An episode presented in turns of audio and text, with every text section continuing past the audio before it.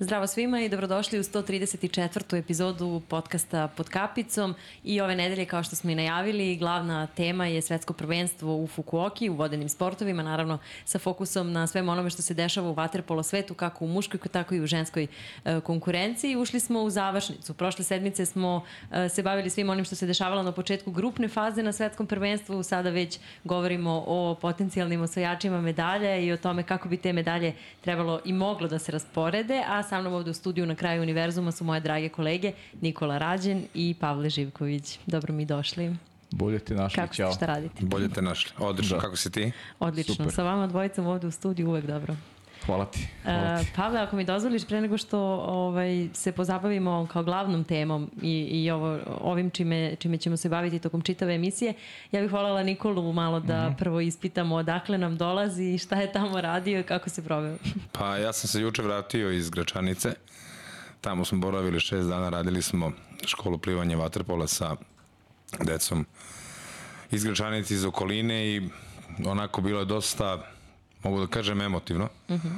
Već treću godinu za redom to radimo u Gračanici i, sama činjenica da južna pokrajina Srbije ima uvek turbulentne stvari, vesti, dešavanja i tako dalje i da smo uspeli da usrećimo toliko dece, a bilo ih je preko 150, mogu budem baš ponosan i srećan i da najavim evo sad ovom prilikom da ćemo i sledeće godine biti tamo gosti. Da. Znači, e, ovog leta punom parom kada Tako je reč o animaciji Tako je. dece i da. mlađih. Tu nije kraj, mi nastavljamo u Kragujevcu već od 1.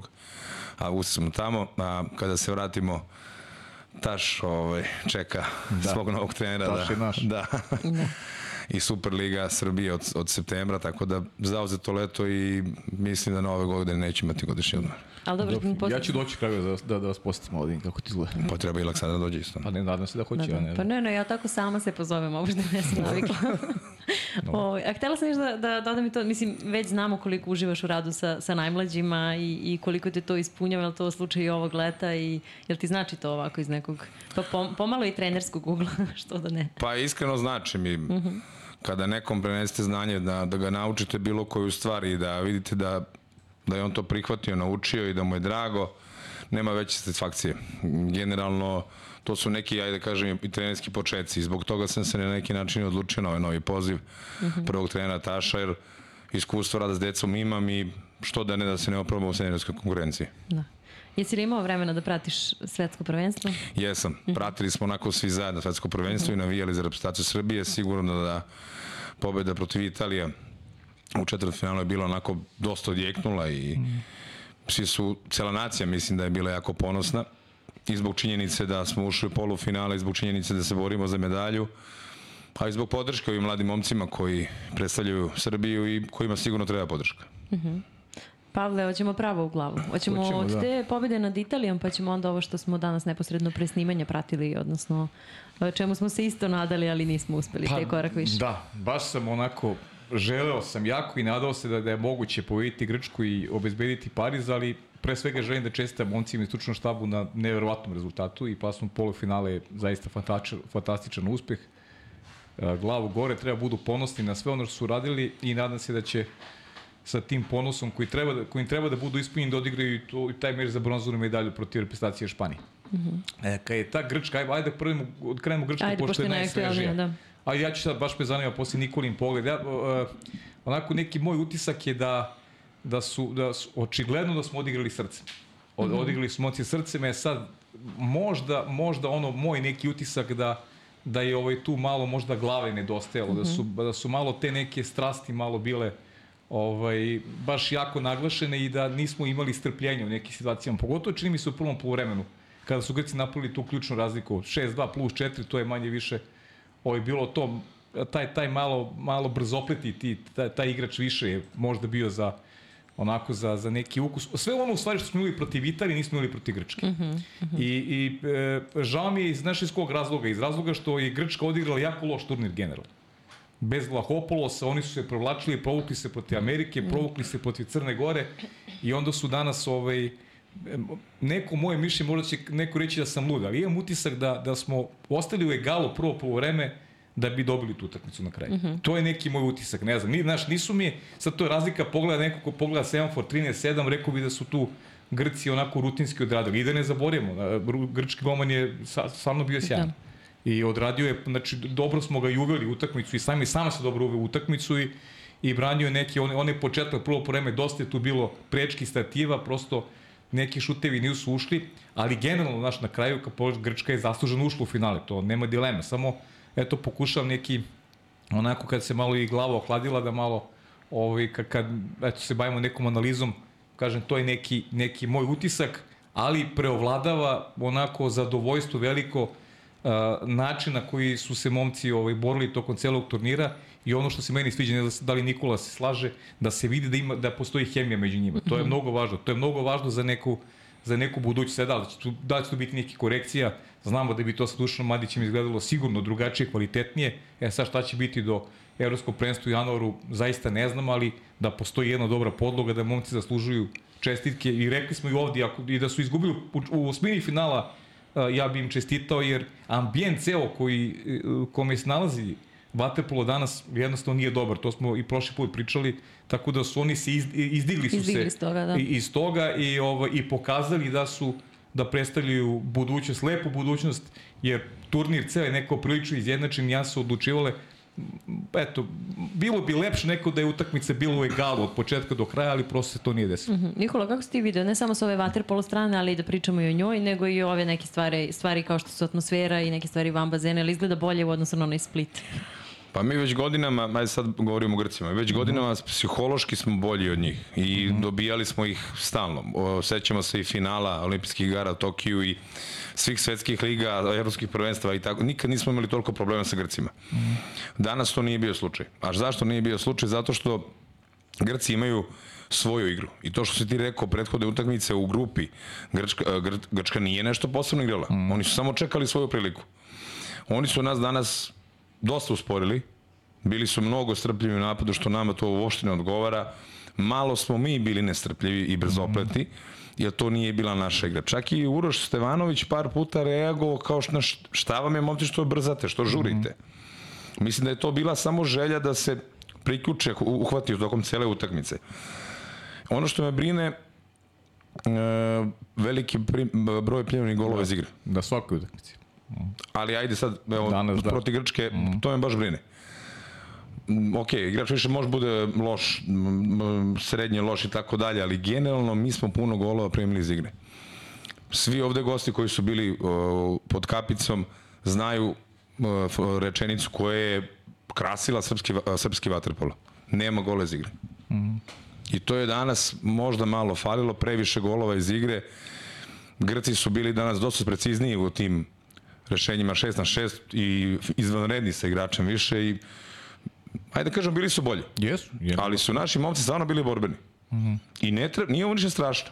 Mi tako opet je. imamo priliku da uzmemo medalju na svetskom prvenstvu. Posle 4-5 godina, čini mi se, tako? Tako je, tako je. I za ovu generaciju ovo je jako bitno. Mm -hmm. Pobeda sa Italijom je stvorio, otvorila novi svetli put ovoj celoj generaciji. To je ono što je Andrija Prlinović prokomentarisao na društvenim mrežama. Da. Svaka mu čast za reakciju. Pa jeste. Jeste istorijska na neki način ta pobjeda protiv jest. Italije bila. Pa znaš kako, sve je mirisalo zaista na tu 2009. godinu, na, na, na njegovu generaciju. Nije se do kraja to mm -hmm. ostvarilo, Znaš, ali realno nije, nije, nije to ni ista generacija, znaš, ti kad pogledaš, nisu ovi slučajno najbolji istoriji sporta. Mm. Znaš, a ovde možda fali malo više toga, ajde da kažem, individualnog kvaliteta, da u nekim situacijama kada možda ekipi ne ide, jer ti u ovoj generaciji Nikolino imao si, znaš, ne znam, ne ide Andriju, krenuće Fiću, ne, ne ide Fiću, krenuće Mitra. Znaš, e, ne znam, pojavili se posle Manda i Jakša koji su u Tokiju dali full doprinos e, osvajanju osvajanju zlatnog olimpijske zlatnog olimpijske medalje. Tako da, znaš, sve to neki sve to neki proces koji koji zahteva zahteva strpljenje pre mhm. svega. Mm -hmm. A, ako se slažete, dok smo još u ovoj temi, dok ne odlutamo na selekciji iz regiona, pošto ćemo imati i kolegi da. Crne Gore i Hrvatske, da čujemo izjavu Strahinje Rašovića odmah može, posle, može. posle utakmice protiv Grčke. Pozdrav svima. Ovaj, ništa sad da kažem, izgubili smo od Grčke, ovaj, e, ne, ne baš onako kako je bilo, kako smo očekivali utakmicu, e, jednostavno smo, eh, moje mišljenje da smo se uplašili pritiska, mogućnosti šta nam sve donosi pobeda, olimpijsku vizu, medalju i tako dalje. E, već smo napravili veliki iskorak u odnosu na prethodni period, a naravno da se ne zadovoljavamo time, nego idemo po medalju. Nema se vremena za žaljenje, uopšte, ovaj, ovo je svetsko prvenstvo, to je sport, pobediš i izgubiš, mi smo u borbi za medalju i za dva dana se očekuje utakmica protiv Španije i ovaj, današnja utakmica apsolutno se zaboravlja jer nismo igrali dobro i trebamo igrati najbolje što možemo kako bismo uzeli bronzu, eto, toliko. Pa, ili mogu ja? Da. Ova rečenica, što je sad Strahinja rekao, nema se vremena za žaljenje, idemo po bronzu. Govori o karakteru i hemiji ekipe i atmosferi koja trenutno vlada. Ja bih samo tako rekao. Mislim da mislim da su i oni sami shvatili koliko mogu i koliko je tih tek čeka zajedno kao ekipa. Jeste da smo mi rasli zajedno i kroz klub i kroz reprezentaciju, ti početci tih 2009. ali još mnogo ranije kroz neke kategorije reprezentacije um, juniorske, ali sad imamo raspored koji je dosta čudan u odnosu na prethodne sve godine. Oni će sad biti zajedno tri meseca, uh -huh. što im jako ide na ruku. Evo neko moje mišljenje. Znači od decembra već počinju pripreme, sigurno sam da će Stevanović da planira to napred i da zna ko će biti svedok na tim pripremama i ko će učestvovati u tim pripremama, na koji način će se momci spremati i za evropsko i za svetsko prvenstvo. Uh -huh. Jer nije mala stvar i treba iskoristiti ovo- ovaj potencijal.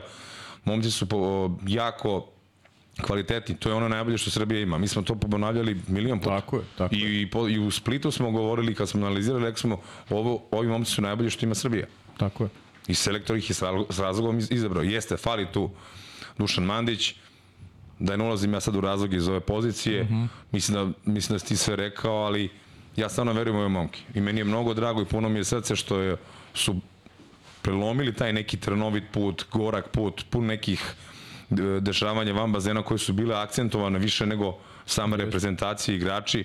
Tako da momci srećni, imate moju podršku veliku. Nikola, je. nismo to imali prošle nedelje za, za komentar, ali ja bih posebno volila da se osvrnemo na onu bitnu utakmicu protiv Crne Gore, gde je ekipa pokazala to o čemu pričaš, ne samo u igračkom smislu, nego i ovom karakternom, i ova utakmica protiv Italije, da se ne zadržimo samo na ovoj Grčkoj koja, koja je danas onako možda ostavila neki malo gora kukus, ali, ali imamo još tu jednu bitnu utakmicu u borbi za medalju. Dakle, šta je ta utakmica protiv Crne Gore pokazala i selektoru i nama svima koji navijamo sa strane? Pa dosta emotivna utakmica protiv Crne Gore. Meni je najviše upalo za oko, evo sad se nježio, svaki gol kada se da, koliko su se momci radovali mm -hmm. i koliko im je to značilo. Mm -hmm. I koliko su se vratili posle 5-0, sećamo se furioznog početka Crne Gore i tako dalje. Malo to ekipa može. Mislim, ja sam danas potajno protiv Grka očekivao da će, mm -hmm. da će krenuti. Isto. Ali opet, kažem, nije ništa strašno. Te utakmice prave igrače, te utakmice kreiraju timove, atmosferu, davaju momcima koji su talentovani da se formiraju kao igrači, što je jako bitno. Izašli su na veliku scenu. Ne treba zaboraviti da s- 70% ekipe prvi put sad igra svetskog prvenstva. Sedam debitanata. Da. Sedam debitanata. Imamo uh, četiri ili pet uh, zlatnih olimpijaca uh -huh. i to sve kad se sastavi izgleda ovako. Uh -huh. I to je jako dobro. Uh -huh. I što je meni posebno drago što ima puno potencijala u tim momcima. I što će oni sada tek osjetiti neku novu atmosferu i ono gde, gde su trebali da teže još kad su kada je došla smena generacije, oni moraju sami da kreiraju svoju atmosferu i svoje odnose. Tako je. I onda protiv Italije opet. Povratak u meč i opet peterci. Pa dobro, to je sad već ta, ta pobeda protiv Italije je bi stavio kao istorijsku pobedu za ovu, mm -hmm. za ovu generaciju. To ono što Andrija rekao, da. Da. da. Mislim da mislim da protiv Crne Gore onog emotivnog pražnjenja, one želje i mm -hmm. e, šta su sve momci istrpeli je bilo pa onako nenormalno, ali donekle potencijalno se očekivalo da možemo da napravimo iznenađenje i iskorak u tom, u tom duelu. Pa ne, smo pričali smo i onako i, i, i svi koji se bave vaterpolom, Mađarska, Španija i Italija, to su bili glavni pretendenti mm -hmm. na osvajanje, za osvajanje medalje. I reprezentacije koje su napravili neki iskorak u odnosu na, na period od, eto, prethodne, recimo, pričamo dve godine. Tako da momci stvarno imaju, moraju da budu ponosni.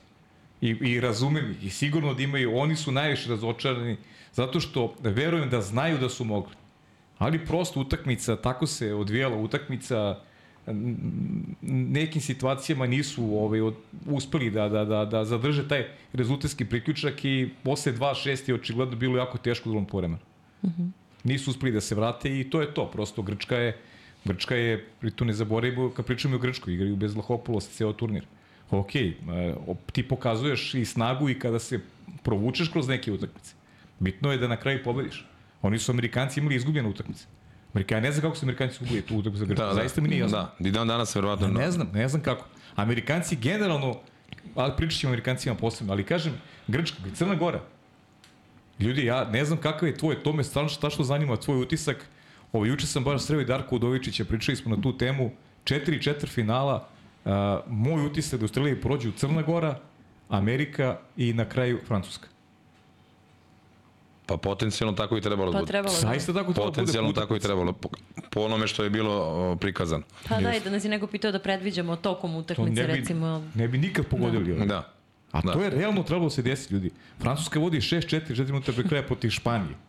Mi smo prošle godine, da, jeste, pri, govorili smo o tome, da je to uh, jedan od najtežih poraza u istoriji srpskog vaterpola. Mm -hmm. Ali evo, Španija znamo da živi isto jedan od najvećih poraza u istoriji srpskog vaterpola protiv, protiv Francuske, koja je danas izborila i Dohu pobedom protiv Amerike Da. i koja je odigrala tako zrelo do tog finiša sa Španijom, gde su Španci izgledali a potpuno nemoćno protiv, protiv Francuza. Da, bili su apsolutno bezdeni, da, svaka čast. I prva utakmica koja je odigrana na toliko mali broj golova. Da. Svaka ostala knockout, knockout utakmica je bila na preko 20 golova je bila. Yes. To govori samo o, tenziji i o silini odbrane Francuza koji su bili spremni da se suprotstave Špancima. Jeste. Fonteni sjajno branio, Da. sve izgledalo dobro. Da, e sad, uh, hoćemo o narednom rivalu Srbije malo još, kad smo već Pa ovaj, načeli druge da. reprezentacije. Uh, šta sad to znači za, za Srbiju, za sledeći meč? Čuli smo Strahinju, odmah se ulazi u pripremu, nema tu nešto vremena sad da se razmišlja o, o porazu, ali znamo iskustvo već sa, sa početka turnira. Pa ja bih malo, ja bih malo pričamo o Španiji, pravo ti Pa da. kažem. Ovaj, Španija je za mene e, već godinama unazad, to Nikola kao igrač sigurno bolje zna, baš sam ovako malo listao i rezultate, oni su za mene onako baš šok. A znaš u kom smislu, Nikola? U smislu da e, ne znaju da završe utakmice. Oni su i prošle godine došli do prve velike titule, protiv Italije vodili su 9-6, Italija izinačila napad za pobedu, pobedili su na peterce. Vraćamo se u Tokio, način na koji je Srbija okrenula utakmicu i pobedila ih u polufinalu. Danas vode protiv Mađarske dva razlike, primaju gol u posljednjih sekundi, gube utakmicu.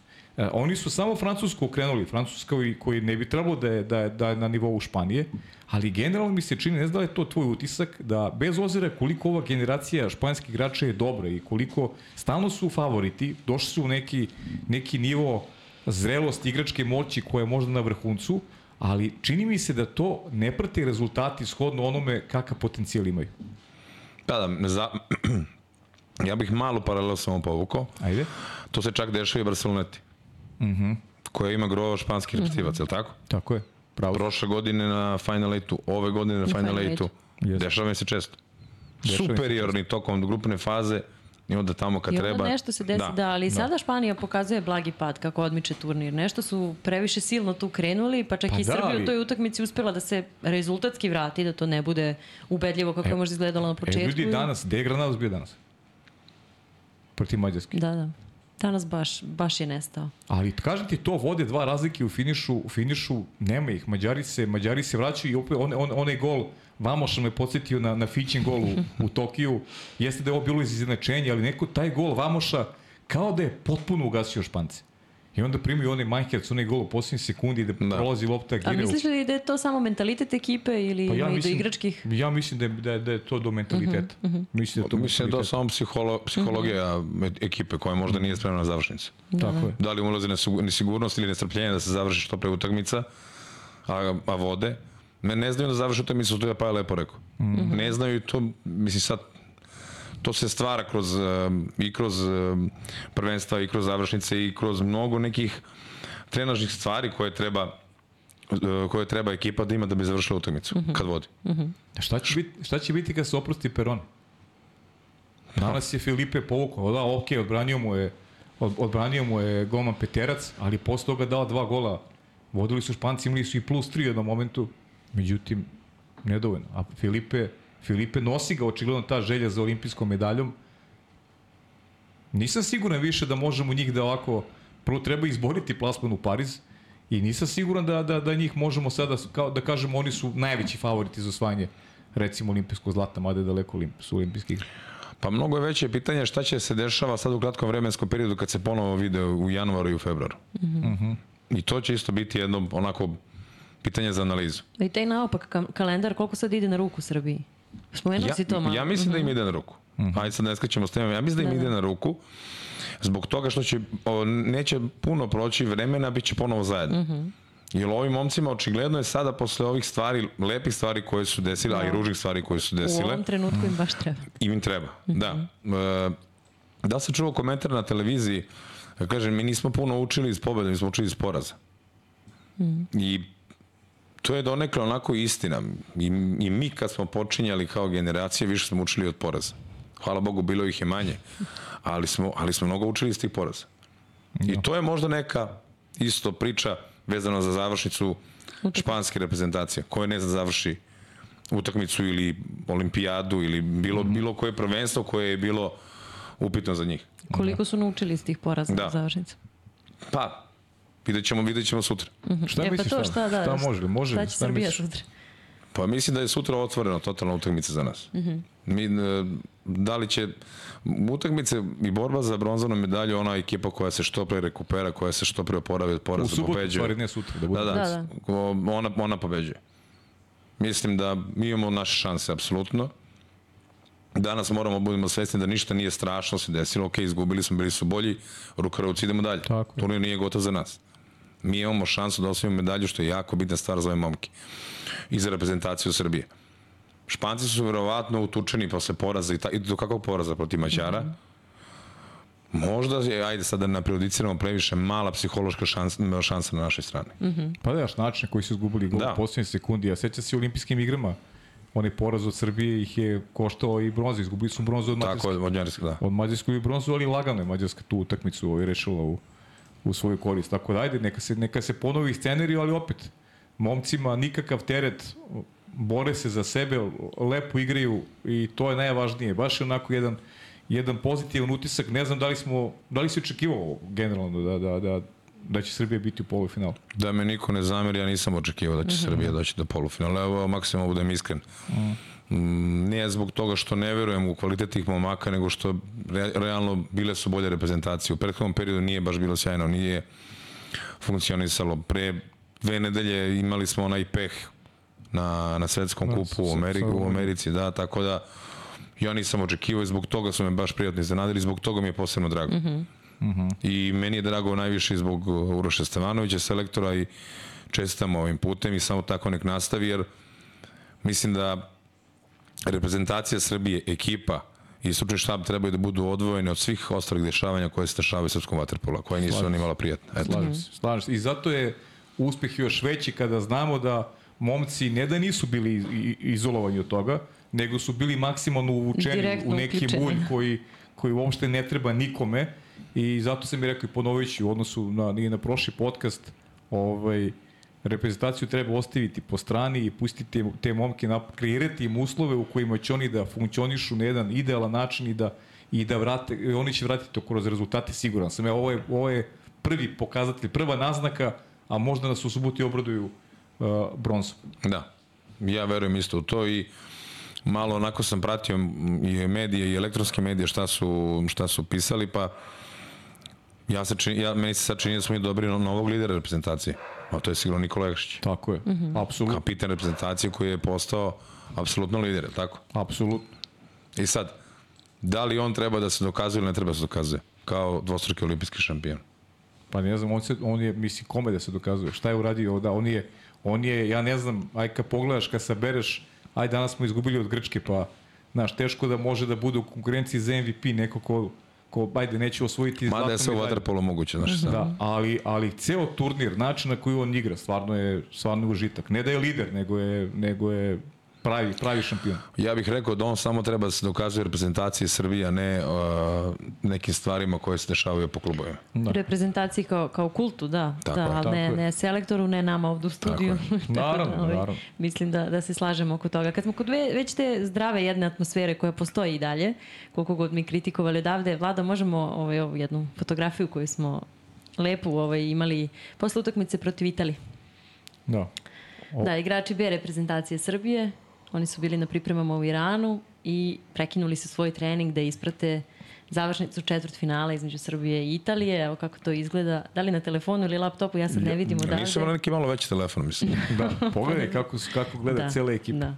Znači, trenutak kad više ni, ni sobstveni trening ti nije važan, daj samo da pogledamo ovo i da pobedimo, ali lepa slika. Svakako imali sve to srpski vaterpolisti podršku i od selekcije Miloša Sakovića. Da, oni su jedini bitni, znači reprezentativci i Jest. podrška velika i stvarno fantastičan rezultat koji je napravljen Fukoki, a možda ćemo neki upravo od ovih momaka gledati, gledati u toj nekoj, u toj da. nekoj da. dopunskoj selekciji da to zna Uroš Števanović najbolje sa svojim stručnim štabom ovaj, šta mu je činiti da, za neku blisku budućnost. trenirali ovaj, uh, uoči svetskog prvenstva sa, sa reprezentacijom, tako da, da. eto ih. Jedna mala, edo, jedna mala informacija, mi nismo baš dugi vremenski period imali B reprezentaciju. Ne znam, mm -hmm. znate vi to. Da, da. Čini mi se od, od univerzijade 2009, ili tako nešto. Siguran sam. Najnormalnije je bilo da Jugoslavija, Srbija, Crna Gora, Srbija ima B reprezentaciju. Znate zbog čega? Zbog pogona A reprezentacije. Mm -hmm. Jasno. Da svi budu tu paralelno u treningu, ne da je Bože se neko desi, da neko može da igra. Mm -hmm. Pa Duško Pjetlović i Andrija Pelinović su debitovali ovde na Tašu kad je bila svetska liga. Otišli su sa juniorskih priprema, uh, taj je bio selektor Nena Manojlović, čini mi se, da igraju svoj debi za reprezentaciju. Mm -hmm.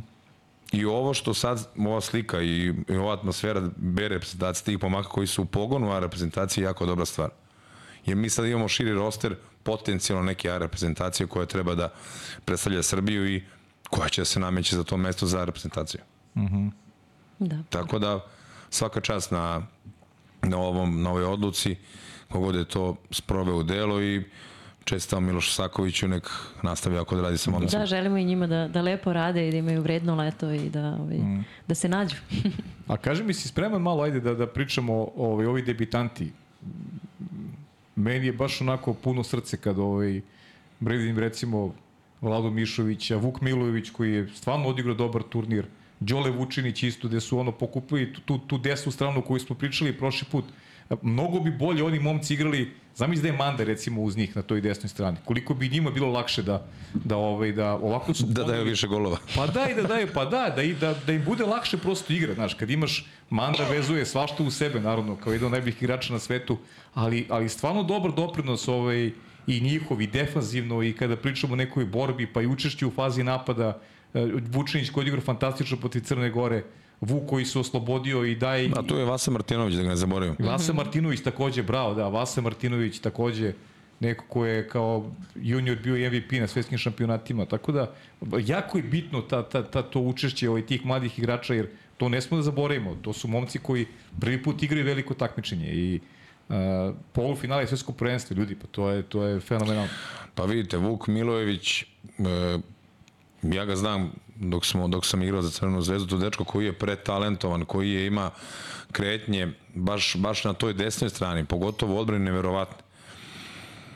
Videlo se, videlo se njegovo sazrevanje i u e, i u Crvenoj zvezdi prošle prošle sezone, a potencijal se video e, kroz manje, mlađe selekcije juniorske reprezentacije. E, verovao sam da taj momak može da dođe na veliku scenu i, i došao je i svakom neko ovako nastavi. Naravno, kao i svakom mladom igraču, još malo tu fali samopouzdanja, pogotovo u tim nekim odlučujućim momenta šuta i tih ostalih stvari, ali to sve dolazi uh, iskustvom i utakmicama i, i radom i tako dalje, ali mi dugo nismo imali takvog igrača, uh mhm. -huh. to, to sam siguran. Mislim da će on biti još bolji. Vlada Mišović, takođe ga znam iz Crvene zvezde, dečko koji je posvećen maksimalno i sportu i koji već dugo godina stoji kao prvi čuvar Crvene zvezde, što je jako bitna stvar za njega. Mislim da će on, da je on naša budućnost i mislim da će on biti prvi golman, čak ako ja mogu ovako da kažem ovde kod vas u studiju, verujem da će on da brani te španaca, bit će kao prvi. Mm -hmm. Evo, takav je neki moj osjećaj. Vasa Martinović koji se dokazao i u, klub, i u klubu i u reprezentaciji. Meni je drago zbog tih mlađih igrača. Samo sam njih trojicu akcentovao zato što su stvarno mladi i i došli su sada prvi put da neko, na neko svetsko prvenstvo u Fukuoku gde igraju o, gde se bore za bronzanu medalju. Jeste. I to je zalog za budućnost. Mm -hmm. I, svaka čast Urošu koji ih je s razlogom poveo tamo i svaka čast što ih je bacio u vatru i to je jako velika stvar za te mlade momke. Da. I sigurno ima tu momaka i kod Miloša Sakovića koji su na čekanju, koji bi mogli Apsolutno. sutra, prek sutra, možda već i na evropskom prvenstvu možda dobiju neku priliku, vidjet ćemo u zavisnosti od toga kako budu i napredovali, naravno i kakva je percepcija uruševa na, na to Da, da ne zaboravimo i Marka. Dimitrijevića koji je takođe isto Marko tamo. Dimitrijević je tamo, Da. tako je, da, nije, da. Da. dobio je šansu, igrao je protiv, protiv, Igrao je Južne protiv Afrike. Južne Afrike. Južna Afrike, jeste, da. da.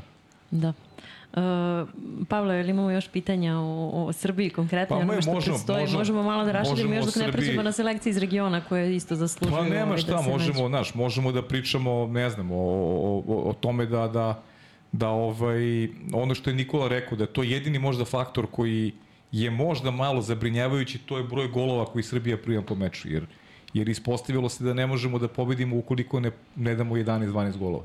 E, to je nešto je razlika u odnosu na, na tvoju generaciju i nešto što je, ajde da kažem, ovaj, neka dogma srpske škole da, da je odbrana ta koja je, eto, mo, ok, igra si ubrzala promenom pravila, ništa nije sporno, ima mnogo više isključenja tokom utakmicama, uloga beka o kojoj smo pričali, tvoja pozicija koja je gotovo, gotovo ne postoji, ali, ali ono što stvarno nedostaje, to je ono prosto mi smo navikli da iz te dobre obrane crpimo energiju i da i da tu dovodimo do ludila protivnike time što što ćemo da njihove napade kvalitetnije osujetimo. Ovde smo primali smo primali smo mnogo golova.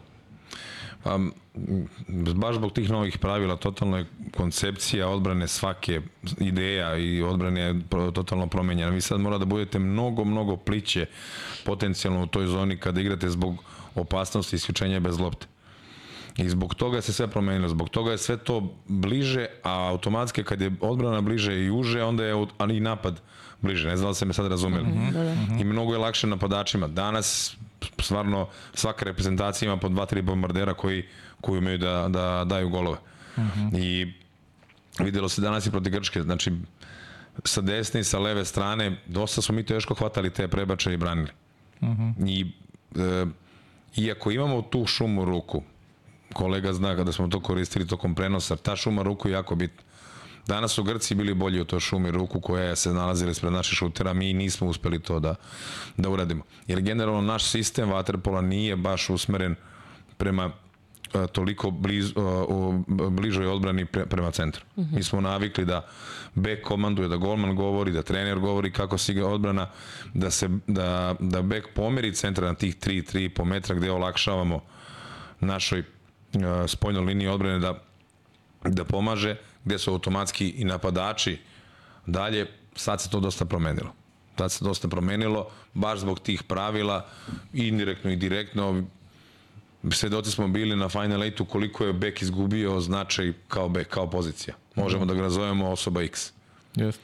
I gde su treneri svesno žrtvovali centre, neke, o, neke ostale igrače koji igraju na ostalim pozicijama samo da prime broj isključenja da bi se ispunio taj neki fond da može da ubaci beka kad, kad treba da odigra odbranu. Kraj treće četvrtine danas proti Grka.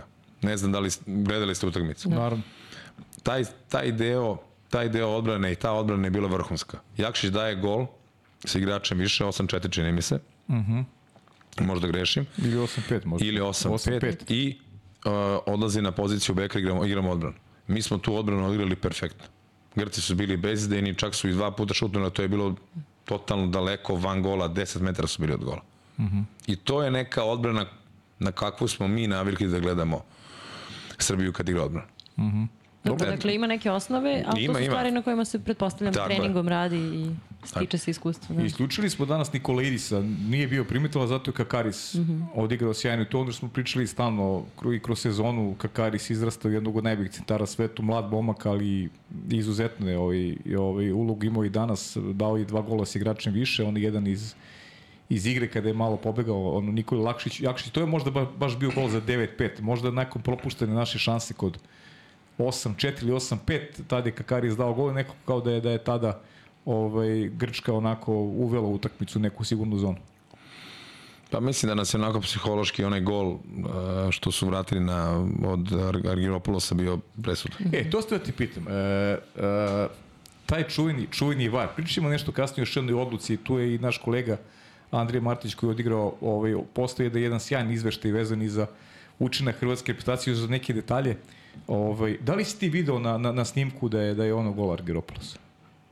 Ja sam, nam, ja sam pre snimka rekao da je to bio gol. Ili jesi, ja? Jeste. Ja sam pre snimka rekao da je to bio gol, jer lopta jeste prešla u momentu kada je odskočila od vodu i išla u gol, a ne od momenta kada je Bane izbacio iz gola. Zato što mi je, znaš, onaj gol Manhirca, na prvu sam pomislio da je gol, onda gledam onaj snimak koji su oni pustili, znaš, ja gledam onaj snimak i ne vidim na snimku Ne, ne, sa snimak je apsolutno Moram nejasan. da, da. da. prokomentarišem, mislim, jako su loši kvaliteti kamera koji to prate. Katastrofa. Da li je to moguće u Japanu da bude tako? To je Da. ba, ali ne, mislim, m, možda nije do Japana, možda je do Fine, ajde kao. ali stvarno, ovaj, da. ajde kao, samo da, baš ta kamera je najbitnija, mislim da je bitnija od ove koja hvata totalno bazen. Ne, znaš što ću kažem, mi, mi kao gledalci, mi moramo da vidimo da je to zaista gol. Ako postoji neki VAR sistem, ti, ti moraš da mi, da mi uveriš u to da je, da, Dobro, da je moram to da gol. priznam znaš. da smo odmakli, zato što je na Final 8-u Lige šampiona VAR podrazumevao da gledaoci kraj malih ekrana gledaju sudiju koji nešto gleda. Sad makar dobijamo tu situaciju koju sudija gleda, tako da, malo s- smo se pomerili da, u tom i da se razumemo, po- potpuno nije, nije, nije toliko ni važno, dete, bilo je plus 4, mislim, Da, da, Grčka da, bi dobila nije bilo utakmicu. odlučujuće u tom, da. Znaš, ali da je recimo bilo 7-6, Ovaj, znaš, ti misliš da je bio gol, ali hoću da me ti, ti imaš var. Da. Ok, ti si igrač i ti, ti misliš da je bio gol. Ali ja hoću to da vidim da je bio gol. Kao navijač, kao gledalac. Hoću da ti meni to demonstriraš. Ako postoji VAR sistem, ja želim da vidim da je lopta prešla cijelim obimom gol liniju. Ali ja to ne vidim kad mi ti pustiš snimak. Pa ako je kamera sa strane, to se apsolutno ne vidi. Ne M je voda, M je uh, vaterpolo go je dosta čudan i stativa ispred staze, sad Da. da. gledalci imaju drugačiju percepciju, oni misle da je linija, linija gola. Linija gola, U da, stvari da, da. nije. Linija gola je gde stoje stative. Stativa. Tako je.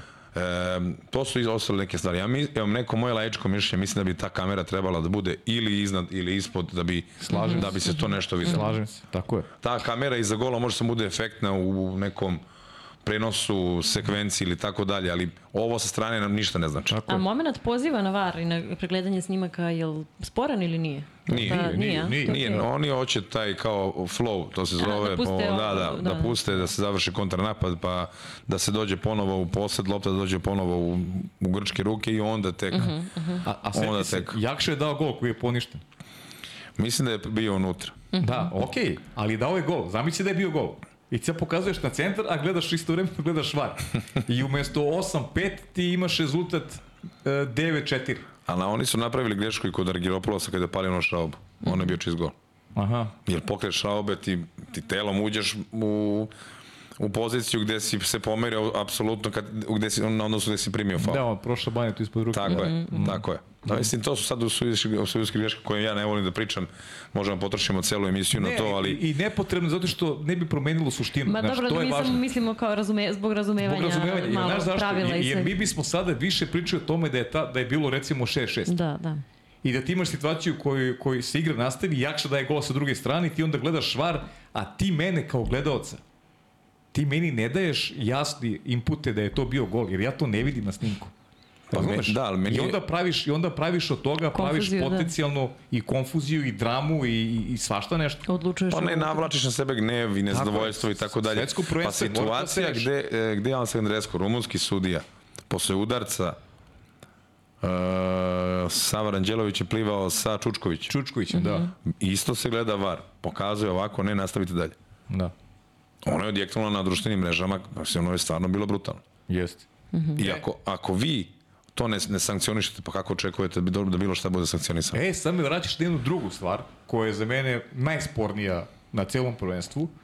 To je utakmica između Amerike i Mađarske i brutality Benu Haluku.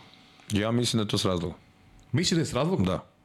Više, ja se ne slažem. E, To sad baš ulazimo, Ja više ne mislim da je to s razlogom. Obe da. ruke su mu bile gore u momentu kad je lopta dodirnula na vodu. On ne kreće na loptu, nego i kreće od lopte i, i završava, faca, završava šaka u faci.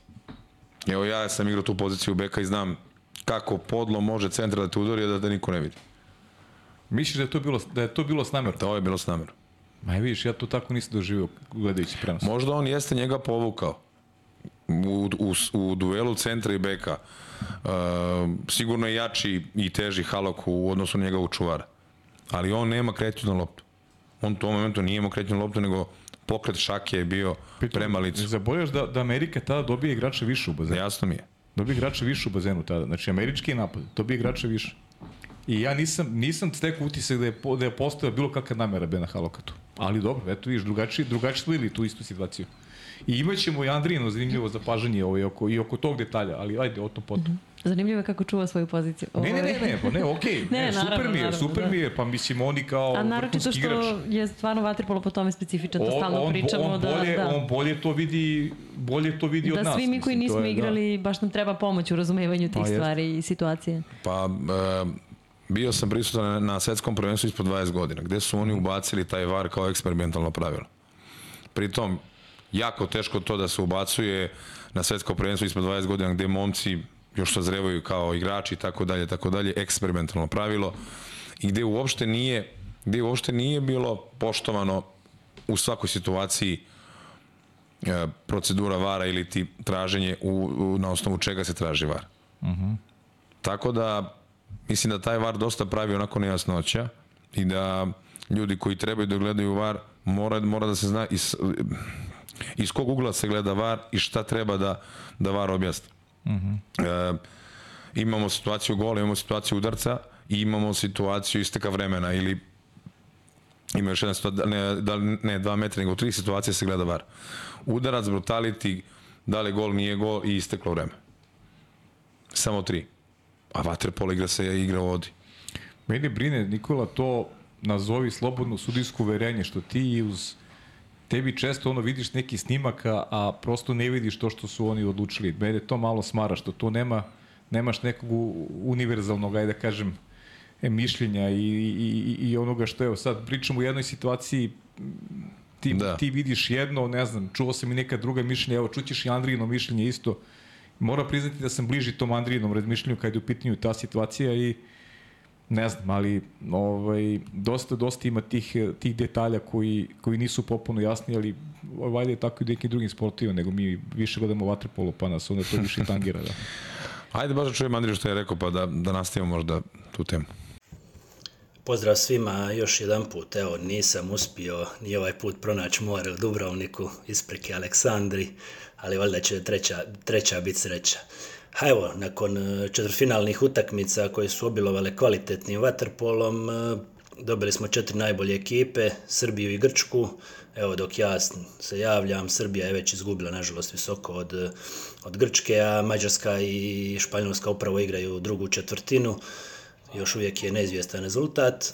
Što se tiče četvrtfinalnih utakmica, gledali smo i fenomenalan uzbudljiv vaterpolo, sve četiri utakmice su bile na gol, odnosno ili na peterce, tako da je još jedan put se pokazalo da Waterpolo ima evo, osam s Hrvatskom i devet izvrsnih momčadi, baš trenutno može svak svakoga pobijediti, u, pogotovo na tu jednu utakmicu koja se igra na ispadanje, gdje je malo veći pritisak na ovim koji su koji su u poziciji favorita.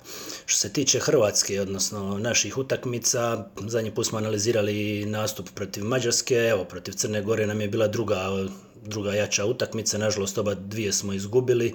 Ovaj put, e, iako protivnik nije bio dominantan kao Mađarska, nego je to bila jedna potpuno egal utakmica, su možda još više došle do izražaja ti problemi. Naime, imali smo Bijača koji je branio fenomenalno, imao je 16 obrana, obranio je peterac, obranio je 8 šuteva s igračem manje, obranio je jednu kontru kad je Crna Gora mogla otići već e, na četiri razlike početkom treće četvrtine i u biti tada je slijedila naša serija s kojom smo se vratili, vratili utakmicu. Tako da nas je bio čitav, čitav utakmicu držao u egal situaciji, držao nas je utakmici, a mi smo opet primili 13 golova. Znači, s njegovih 16 obrana vidimo da tu obrana nije baš puno, puno pomogla, odnosno i od, odmagala mu, jer svi ti golove koje je primio su dolazili ili na čiste situacije gdje bloka uopće nije bilo, kao recimo gol Matkovića sa lijevog vanjskog s igračem više ili na prebačaj kad se isključen igrač već vraća opet Matković ili bi igrači na desnom vanjskog ušli preblizu a vrlo često se događalo da, da je taj blok koji čuva bliži kanton toliko loše postavljen da je napadaču bilo jednostavno pored njega šutirati i zabiti gol u bliži točno one situacije koje bijača najviše ljute, koje mu najviše smetaju. Dakle, nismo iskoristili tu našu prednost e, fenomenalnog golmana koji je imao svoj dan, koji je svojom momčadi donio sve, sve što je trebao. Branio je, ne znam, ti obrane s igračem, manje to su je bili obrane sa stativa, zicer situacija gdje on pokazao, pokazao svoju klasu. Mi smo imali, nažalost, samo dvije situacije kad smo blokirali šut, tako da su ti problemi igre u obrani stvarno, stvarno preveliki i to je nešto na čemu se mora raditi u buduće ako bi se želelo biti želelo bit konkurentan e, ovim najjačim, najjačim reprezentacijama. Naime, Crna Gora trenutno nije baš u tom krugu top favorita, ipak, ipak su nas pobjedili unatoč takvom našem nastupu golmana. Što se tiče situacije koja je bilježila ovaj četvrfinalni dan, nažalost moramo spomenuti situaciju sa sucem Putnikovićem koji je još jedan put izbio u prvi plan sa svojom odlukom kontra Haloka, odnosno onim brutalitijem, gdje je prvo suđeno isključenje isključenje Vamoša koji je bio na situaciji da je na beku čuo Haloka i on je mislim, bilo je čisto isključenje, popio mu se na rame, tek onda digo ruke, dok je Halok potonuo, nehotica ga je zahvatio po licu, pa i sve da je tu trebalo mijenjati odluku, svakako ni, ni, ni, ni u jednom slučaju nije smjelo se dogoditi da se tu svira brutality, eventualno da se svira kontra faul, ali dobro, to se onda na, na varu valjda i ne kontrolira, tako da je trebao ostati igrač više za, za Amerikance. To je bio toliko nehotičan udarac, gdje je njemu glava ispod vode, gdje ga ovaj poteže, izbaciva ga iz ravnoteže za jedno rame, druga ruka je išla u prirodnom, prirodnom pokretu prema lopti, odnosno preko glave, gdje nikakve, nikakvog jakog udarca nije bilo, gdje nije bilo krvi na vama, gdje nije bilo ozljede, gdje nije bilo ničega, niti nit jednog elementa koji bi još uz gledanje snimke na varu, koji bi opravdo, opravdo ovu odluku. I nažalost to se Putniković već drugi put događa u četvrfinalu svjetskog prvenstva, prošli put protiv Kajsa, odnosno čistog peterca u zadnjem napadu za pobjedu Australije, sad je direktno opet odlučio protivnika, odnosno direktno odlučio o pobjedi s obzirom koliko je važan Halok i koliko je bila egal utakmica i čak i bez njega, gdje su na, Mađari u tom trenutku dobili, dobili četiri, četiri minute s igračem više. Tako da te situacije kad se već jednom dogode, ajde, ali kad se ponove, mislim da bi tu konsekvence za suca koji donosi takve odluke trebale biti puno, puno strože, a ne da on danas opet, opet sudi utakmicu, ne znam, za 11. mjesto da ostaje i dalje na turniru. Tako da to nije neka baš najbolja, najbolja poruka za ovaj, za ovaj naš sport. Ništa, pozdrav iz Dubrovnika. Andrija u glavu, kao i uvek. Kažem ti, ja se, ja se ovaj slažem za, za, za tu odluku, generalno, za, za, za Haloka i da, da je tu Amerika, mislim da je oštećena, generalno. U, I ne znam, ajde, da, da, se, da se nadovežemo na, na, na tu analizu njegovu hrvatske reprezentacije. Hrvatska je ispostavila sve ono što je Deki Steva ispričao prošli put u, u podcastu, da Hrvatska kada osvoji veliku medalju na prvom sledećem takmičenju nikad ne napravi uh, neki značajni rezultat. Evo i ovde su, izgubili su, igrali su dve ozbiljne utakmice, obe su izgubili. Protiv Mađarske koja je lagano i uvela utakmicu, završila je i sad protiv Crne Gore u, u bići za četvrtfinal. Pa to im se pona, pa da, to im se ponavljalo i ajde kažemo 2007. kada su bili svetski prvaci, 2010. kad su bili evropski šampioni. 2017. isto kad su bili svetski prvaci. Tako je. Tako je, tako da, ok, mislim da je neki Stevović koji porati informacijama, Jeste. 50 godina čovjek u Waterpolo, mislim. Je pozdrav za Zaki Stevović ovim putem, ali ovo što je Andrija rekao, ok, delimično se slažem, ali druga je perspektiva gledanja moja i njegova, sam udarac u lice treba bude sankcija. U momentu udarca ruke su gore. E, ako centar ne ide na loptu, ide od lopta, to je kontrafaul. Možda je bila pregruba odluka Putnikovića, ali opet sama reakcija Haloka koji je bio, jeste bio ispod vode i ide šaka prema licu je nehotican udarac. Pa da li Čučković i Ranđelović, mislim, tu je, tu je, tu je drastičniji primer uh, da Dobro, treba to je brutalnije. Brutal, to je drastičniji, to je ali, tu, ali tu nema brutaliti. A ovde, ako je to standard, znači vi treba sedete kao sudije da se izdogovarate ovaj, šta je, šta nije. Znaš, da, da, da bi, da bi opet pričamo ono, da mi znamo ovaj, na koji način da posmatramo stvari. Jer ako to Čučković, Ranđelović nije brutaliti, pa onda, ovo, onda je ovo, tek ovo nije. Pa ovo je onda limunada, ovo nije ništa. Pa, voza, ovo voza klasično. Da, da, ovo nije ništa. A, a ovo je utakmica u četvrtfinalu, gde ti kod 4-4 rezultata, gde Amerika ima igrače više, ti njih ost, ostavljaš ih bez prvog centra i Mađarska u narednih 5 minuta pravi seriju 3-0, vodi 7-4. Direktno utičeš na, na, na rezultat. I ok, Amerika se posle vraća. Mislim, Amerika mi je, kažem, Americi mogli da napravimo podcast koji bi trajao dva sata. Uh, u svaka čast Dejanu Dovičiću, stvarno su ozbiljna ekipa, ali pokazuju neke, neke naznake nekih, kako bih rekao, dečjih bolisti i amplituda. Oni stvarno imaju mnogo potentan tim, ali su mnogo stvari ove godine na svetskom izgubili, oni su čak mogli da igraju i final. Grčka, dobijena utakmica, izgubljena. Tako. Protiv Mađarske su promašili tri peterca.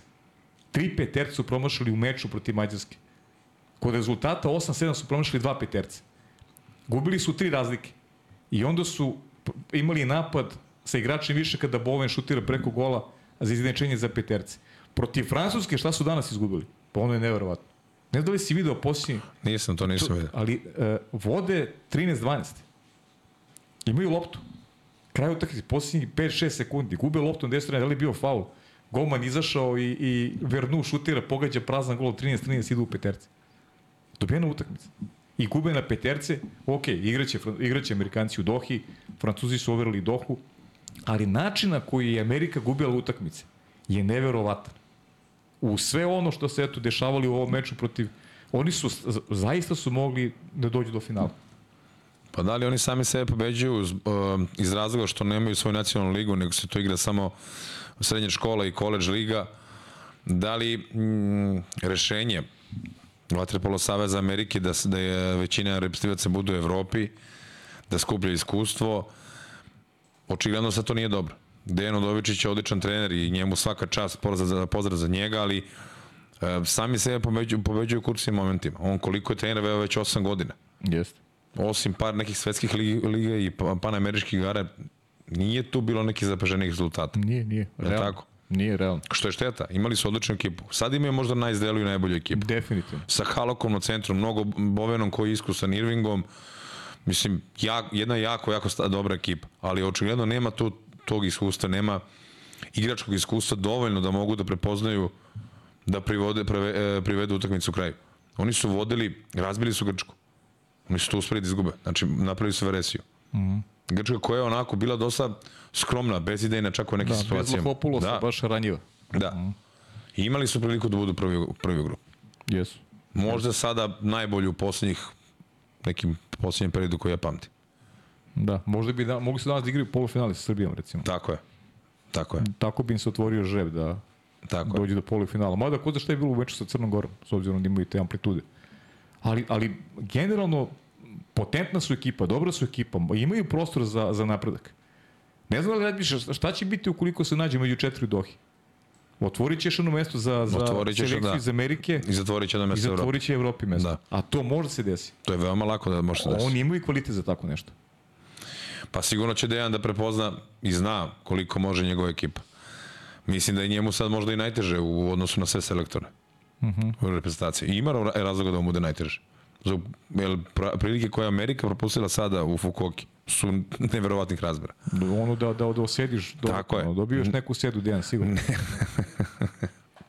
pa ne, zaista, ono je Ne stvarno... znam, ne znam da li smijem da kažem neku anegdotu ovde sad, ali nema veze. Ajde. Pa dok je Dejan meni bio trener u Partizanu. Uh -huh. I onda onako bio glasan i vikao je, rađene, rađene, ej, rađene, kaže. E bre, jedna, jedna glava mi je seda od tebe, a druga od Mire, bre, kaže. No, rekao si gotovo. Tako da pozdrav za. Dejana, da. Pozdrav za Dejana, stvarno. Pozdrav veliki i, i generalno stvarno je onako utisak o, o, o, o igre američke reprezentacije, makar iz mog ugla je vrlo pozitivan. Da, to im nedostaje definitivno. E, Šablon izgubljenih utakmica je identičan, a bilo ih je čak tri na ovom prvenstvu koje su izgubili na isti način. Grčka, Mađarska i evo na kraju sada i Francuska u toj, u toj borbi od petog do osmog mesta. Pa možda su Amerikanci sa prvim mestom grupe imali najlakši put do, do nokaut faze. Da, Je tako? jeste, jeste. Mislim, to je za razmišljanje, ja sam malo pričam ovako. Pa dobro, znam, ali možda bi to otvorilo, znaš kako, možda bi Crna Gora iskoristila, eto, to činjenicu da imaju te amplitude. Crna Gora koja je, ili smo zaključili Hrvatsku, ili imaš dodaš nešto za Hrvatsku, ili ti to nešto neočekivano, s obzirom na neki kvalitet ekipe, znamo prošle godine, o- ona Grčka, apostrofirali smo, ko zna šta bi bilo da, da, Da. nije bilo onog suđenja i načina na koji su povedili Grčku, o čemu je a, moj dragi kolega Andrije pričao, onako, vrlo, vrlo glasno u svojim podcastima i mnogo cenim ovo njegovo mišljenje, drago mi je što je aktivan a, postao ovaj, sa svojom analizom u podcastu. A, da li je iznenađenje to što Hrvatska je eliminisana od Crne Gore ili, ili smatraš da, da, je to, da je to neko, nešto realno? Pa ukoliko posmatramo po po Splitu gde su oni bili apsolutno dobri i bili su evropski prvaci, mislim da jeste iznenađenje. Ali ako, ako gledamo i igru i angažovanje, mislim da nije iznenađenje. Iskreno, govoreći, uh, mislim da bi Ivica Tucak trebao nešto malo da promeni u svom sastavu. Mm -hmm. Mislim da bi da tu možda ima i mesta i za neke nove neke nove igrače, neku novu krv. Siguran sam uh, ono što je rekao gospodin Andrija da imate golmana koji ima 16 odbrana i da ne uspevate da dobijete utakmicu, to to baš i nije dobra stvar, je tako? Naravno. To baš i nije dobra stvar. Mislim, 16 odbrana, to, to se dobije utakmica lagano. To znači ekipa da ekipa ima e, procenat šuta manji od 28%, 30%. Da. Tako da mislim da nešto treba se da se dešava u redovima uh, komšija. E, sigurno sam da će, da će, da će Ivica Tucak time se pozabavi. Nemaju oni lošu ekipu, nemaju loš toči štab, ali očigledno da nisu pogodili sada formu na, na, na svetskom prvenstvu Fukuoki, ali treba biti, treba biti oprezan. To su, to su momci koji znaju da igraju vaterpolo i siguran sam da će biti jako nezgodni u Izraelu i, i na, u Dohi na, na svetskom prvenstvu. Baš zbog razloga koje smo malo pre napomenuli, da ukoliko Amerika iskorači i povuče još jednu ekipu sa njihovog kontinenta, znači smanjuje se broj ekipa u, u, u Evropi. Tako je. Tako da će biti, borba će biti baš velika. Uh mhm. -huh.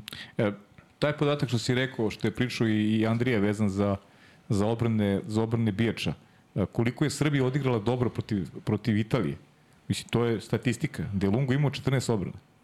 S druge strane, Ban imao 3 u tokom utakmice. Koliko je Srbija tu odigrala dobro utakmicu. Znači, Italija koja sa 14 obrana nije uspela, 14 obrana Delunga nije uspela da, da pobedi u Srbiju. Još jedan statistički podatak koji govori o tome koliko je koliko je Srbija bila na nekom ekstra nivou. Da li misliš da je možda, aj vraćamo se opet još malo Srbiji, da li misliš da je možda su momci bili malo i, i potrošeni fizički ovaj, od, od tog meča, nemaju iskustva igranja, većina igrača na dva dana da igraš toliko važne utakmice, ulog veliki, Da li misliš da je tu bilo možda malo i, i, i potrošnje usred jedne fenomenalno odigrane utakmice? Pa sigurno da je, da je bilo emotivno i psihičko pražnjenje. Uh mhm. -huh. Ajde, neću da govorimo fizičko, mislim da su momci dobro spremni. Ali ako gledamo Crnu Goru, pa onda pogledamo utakmicu protiv Italije, i, i emotivno i psihičko pražnjenje jeste bilo. Svetsko prvenstvo je tako. Vi svaku utakmicu koliko hoćete da osvojite medalju morate pobedite. Da pobedite sebe, da pobedite protivnika preko puta. Sama ta činjenica gde su momci bili jako efikasni u napadu i onako jedna loša, loša statistika za naše golmane, ajde, okej, okay nema veze. Mislim da danas protiv, Gr protiv Grčke mi smo bili malo nestrpljivi. Mi smo, mi, mi smo želeli da, da, da damo go, da uhvatimo priključak. Mi smo imali dosta stativa i prečki. Jeste. Je tako? Imali smo šansu Ubovića koji je pro, promašio ceo go na onom prenosu. Jeste. A protiv, protiv Italijana kamo je Radulović dao, da, dao je go. Nije to ništa strašno. Ponovo ponavljam tu rečenicu. E, želja je bila prisutna, moći su se borili, ali Grci su apsolutno bili bolji. Ono gde su nas Grci polomili, to je u njihovom tom strpljivom napadu gde su nas gde su usporili naš ritam. A mi, smo, mi nismo navikli da, da nas neko usporava i onda smo malo bili, malo smo srljali u napadu, baš zbog te nesigurnosti. Grci su danas izgledali svaki napad do kraja. Da li na korner, da li na dva metra. I to je bilo mnogo vidljivo u prvom polovremenu. Mi smo, Grci su imali u prvom polovremenu, čini mi se, osam kornera.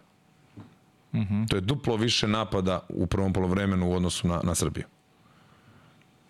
Da, i otvorili su meč, ok, poveli da. Srbiju onim golem Jakšić, ali Skumpakis nam daje gol u igri 6 na 6, prvi bukvalno pokušaj. Pa i Gilas nam daje prebačaj u bliži ugod. I Gilas nam daje prebačaj u bliži da. da, to je, to je već, to je bilo dva, to je bio možda i drugi gol na meču, 2-1. Ili, da, ili treći gol, ne mogu gol, da, da. da. Ok, da, to su neki, neki detalje, malo, malo ih se podsjećamo. Uh, ajmo malo o Crnoj Gori. Ajmo da, uh, Vlado, pusti na Maksima Živaljevića, naše kolege iz Crne Gore, da čujemo, da čujemo njihove impresije. Pozdrav iz Fukuoke, pozdrav sa ovog uh, mog radnog mjesta, jednog od nekoliko tokom svjetskog šampionata. Pun sam impresije, posebno nakon ovog uh, drugog polufinala između Mađara i Španaca. Zaista mi izgledalo u trenucima kada su Mađari odnosno Španci, došli do dva razlike, da će Mađari vrlo teško moći to da nadoknade, znajući kvalitet e, španske ekipe, e, iskustvo tog sastava, ali eto, sa Mađarima je sve moguće i imali su u ovom meču impresivnog Manherca, koji je apsolutno bio lider tima od kako je prvi put ušao u igru pa sve do samoga kraja i taj njegov gol u posljednjem sekundu samo je bio kruna svega što je pokazao. Imala je Mađarska nekoliko izuzetnih tačaka u ovoj utakmici. Adam Nađ je bio fenomenalan u završnici kao bek, a tokom cijelog meča Nemed je gradio ovu pobjedu kao jedini centar sa ogromnom minutažom. Trošio se izuzetno i na kraju bio asistent kod onog gola Janšika, pretposlednjeg gola za Mađare. Zaista Mađarima svaka čast, njihov selektor Žolt Varga vratio u ekipu ove veterane i na kraju evo isplatilo se. Izborili su olimpijsku vizu i rekao bih čak da su blagi favoriti uoči finala sa Grcima, koji su opet na drugoj strani bili impresivni u prvom polufinalu. Ta njihova igra koju smo, nažalost, mi, navijači crnogorske reprezentacije, imali priliku da vidimo u četvrtfinalu, ponovo je došla do izražaja odigrali su i čvrsto, i hrabro, i pametno. Gotovo da nikada nisam gledao tako dobru grčku reprezentaciju, pa ni tokom olimpijskih igara u Tokiju, kada su bili kao i ovdje stigli do finala. Iako bez Vlahopulosa, njihovog glavnog igrača, oni su uspjeli u tome i kada su preživjeli onu utakmicu u grupi protiv Amerikanaca, kada su gubili, ako se ne varam, 9-4, dakle bili na minus 5 na polovini utakmice, onda i u nastavku Amerikanci bili veoma, veoma dobri sve tamo do one završnice, e onda izgleda da Grci na ovom šampionatu mogu sve i stigli su do finala. Imaju tog Kakarica koji je prvi centar na ovom šampionatu, bez dileme. Ni Crna Gora nije mogla da nađe adekvatno rješenje za igru Kakarisa, apsolutno nije uspjela u tome ni selekcija Srbije, ali imamo i Skubakisa u toj reprezentaciji. Kakav je gol dao našem timu, Crnoj Gori, iz mrtvog ugla u četvrtfinalu, pa onda njegov prvi gol, ne znam da li jedini na ovoj utakmici, protiv e, Srbije. To je fenomenalna tehnika, sve odrađane na impresivan način. Znam e, prije neku godinu da se govorilo o Skubakisu samo kao o beku koji zarađuje lične i ništa više od toga, međutim on je izrastao izvanrednog e, igrača. Ako se ne varam, šut Genidunijasa i Fudulisa, dakle glavnih opcija u napadu Grčke na ovoj utakmici je bio negdje 15-2, no i pored toga Grčka je zgromila reprezentaciju Srbije. E sad, Da li je Srbija pregorjela u susret e, polufinalu? Da li kao neiskusna ekipa? Apsolutno. Jednostavno nije mogla da iznese teret e, ovog meča. Jakšić se enormno trošio do polufinala i nije bio na željenom e, nivou u ovom duelu sa Grcima. Dobro su bili pokriveni i ostali ti igrači. Strahinja Rašović nije mogao da dođe do izražaja u napadu niti Radulović e, takođe. Na, tražila su se neka druga rješenja i Srbija nije uspjela. Grčka je bolja ekipa od Srbije i to je danas pokazala. Bolja od Srbije Italija, ali u onom četvrtfinalu nije mogla da e, pobjedi. Tu je Srbija bila očigledno rasterećena, nije imala ništa da izgubi, igrala je hrabro do kraja i izborila veliki rezultat. Plasman u polufinale za ovakvu Srbiju bez Mandića je izuzetan uspjeh. Isto kao što bi bio veliki uspjeh i za crnogorsku reprezentaciju da se plasirala među četiri ekipe. No i pored izostanka takvog plasmana, pored i današnjeg poraza u ovom razigravanju za plasman od petog do osmog mjesta od Italijana, zaista sam zadovoljan onime što sam vidio od crnogorskih vaterpolista na ovom turniru patili smo nekoliko takmičenja. Nakon onog evropskog šampionata u Mađarskoj, kada smo osvojili bronzu, nije bilo dobro. Nije bilo dobro, sem u kvalifikacijama za Tokio, nije bilo uspješno na olimpijskim igrama u, u Japanu, pa onda svjetsko prvenstvo, evropsko prvenstvo. Možda smo u Budimpešti i bili na gol od Peteraca u četvrtfinalu protiv Španije, ali nije to bila željena igra, ni u odbrani, ni u napadu. Ovdje je bilo drugačije. Ovdje je nedostajalo malo sreće i u onoj utakmici sa e, Srbijom i u utakmici naročito protiv e, Grka. Zaradili su naši momci sreću u meču protiv Hrvatske. Sve je bilo izuzetno u toj utakmici što se taktike tiče i individualnog učinka ukupne ekipe i plasirali su se u četvrt finale. Inače, eliminacija osmini finala e, baš bi bila veliki minus e, za ovu generaciju koja je nekako bila i navikla da gubi, no Sad je već nešto drugačije, šteta što nije bilo bolje protiv Italije, ali možda se nije ni moglo protiv fantastične ekipe koja je i odmornija ušla u ovu u utakmicu i vidjelo se to. Bolje su plivali, sve su bolje e, radili italijani danas od crnogorske reprezentacije. Imali su utakmicu manje, imali su lak posao protiv Kanade i protiv Kineza. Imali su samo tu jednu tešku utakmicu, relativno teško protiv Francuza koji na početku ovog turnira nije su bili dovoljno dobri, ali kako je odmicalo takmičenje i Francuska je e, sve bolja i pokazala je to. I u četvrtfinalu, možemo možda reći u nezasluženom porazu od Španaca i danas protiv Amerikanaca koji su vodili, kada, koji su vodili 13-9 i onda imali onu loptu na 17 sekundi prije kraja, izgubili je, primili go i onda petercima Francuska izborila plasma na svjetsko prvenstvo u Dohi. Amerikanci su posebna priča ovog šampionata. Najmlađi su bili od ovih 12 koji su opstali u borbi za medalju. Mislim da im je prosjek negdje 24 godine. Danas su čak bili bez Keloka. Znamo kako su izgubili od Grka. U četvrtfinalu bili su oštećeni zbog onog brutalitija dosuđenog Heloku i ta ekipa Dejana Udovičića ima divnu perspektivu. Nekoliko mladih igrača, Ryder Dodd koji je 2006. rođen, nije su ni ovi nešto stariji od njega, manjeg talenta.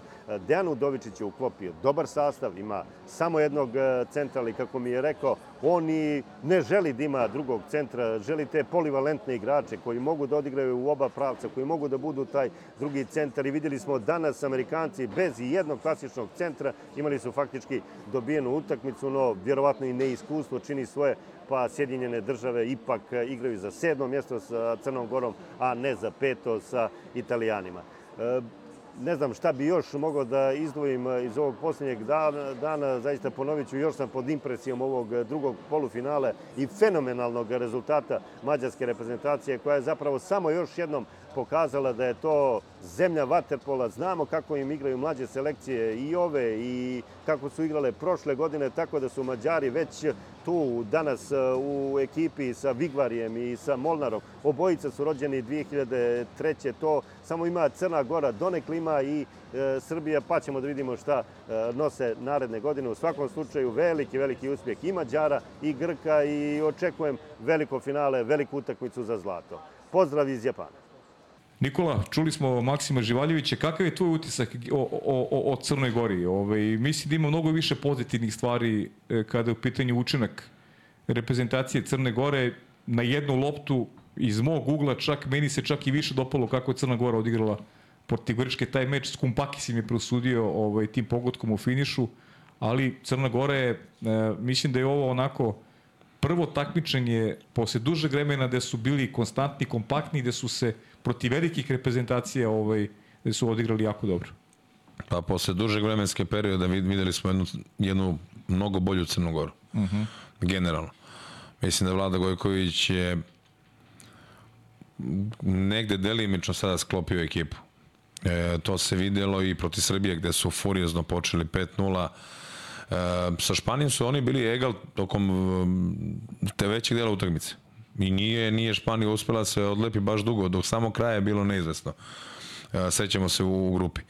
Što se tiče e, pobjede protiv Hrvata, videlo se da Crna Gora može e, može dalje i, i mislim da će oni jako biti nezgodni u borbi, u nastavku borbe za tu olimpijsku vizu i u nastavku borbe na, na sledećem evropskom prvenstvu, svetskom prvenstvu. Uh -huh. e, Grci jesu ih pobedili na kraju, ostaje sigurno mm, verovatno ta velika žal Crnogorcima što nisu uspeli da se plasiraju dalje, iako ne bi bilo, ne bi bilo neopravdano i da su prošli mm -hmm. Grki igrali u polufinalu svetskog prvenstva, ali e, vidjet ćemo šta, šta je strateg Crnogorca zamislio i na koji način. E, čitao sam izjavu da i većina njegove ekipe isto nije bila na svetskom prvenstvu i da bi za njih isto bilo jako dobro da da pobede tu utakmicu zbog same atmosfere i pozitivnog utiska Crne Gore na svetskom prvenstvu.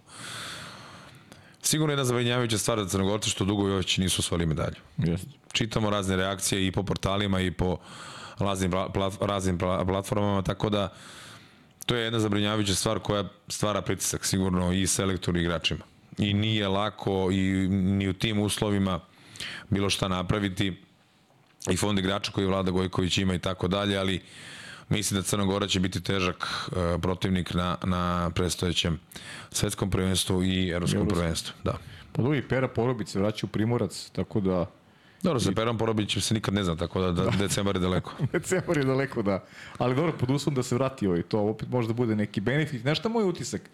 Ovaj, dobijaju vrlo jaku aduta u, u, u Tešanoviću, Gomanu, koji je imao odličan turnir, i naravno povratak Đura Radovića koji je opet dao neku širinu u napadu, ta desna strana. Aleksu Kropina je odigrao možda i njegov najbolji turnir kada pričamo o reprezentaciji.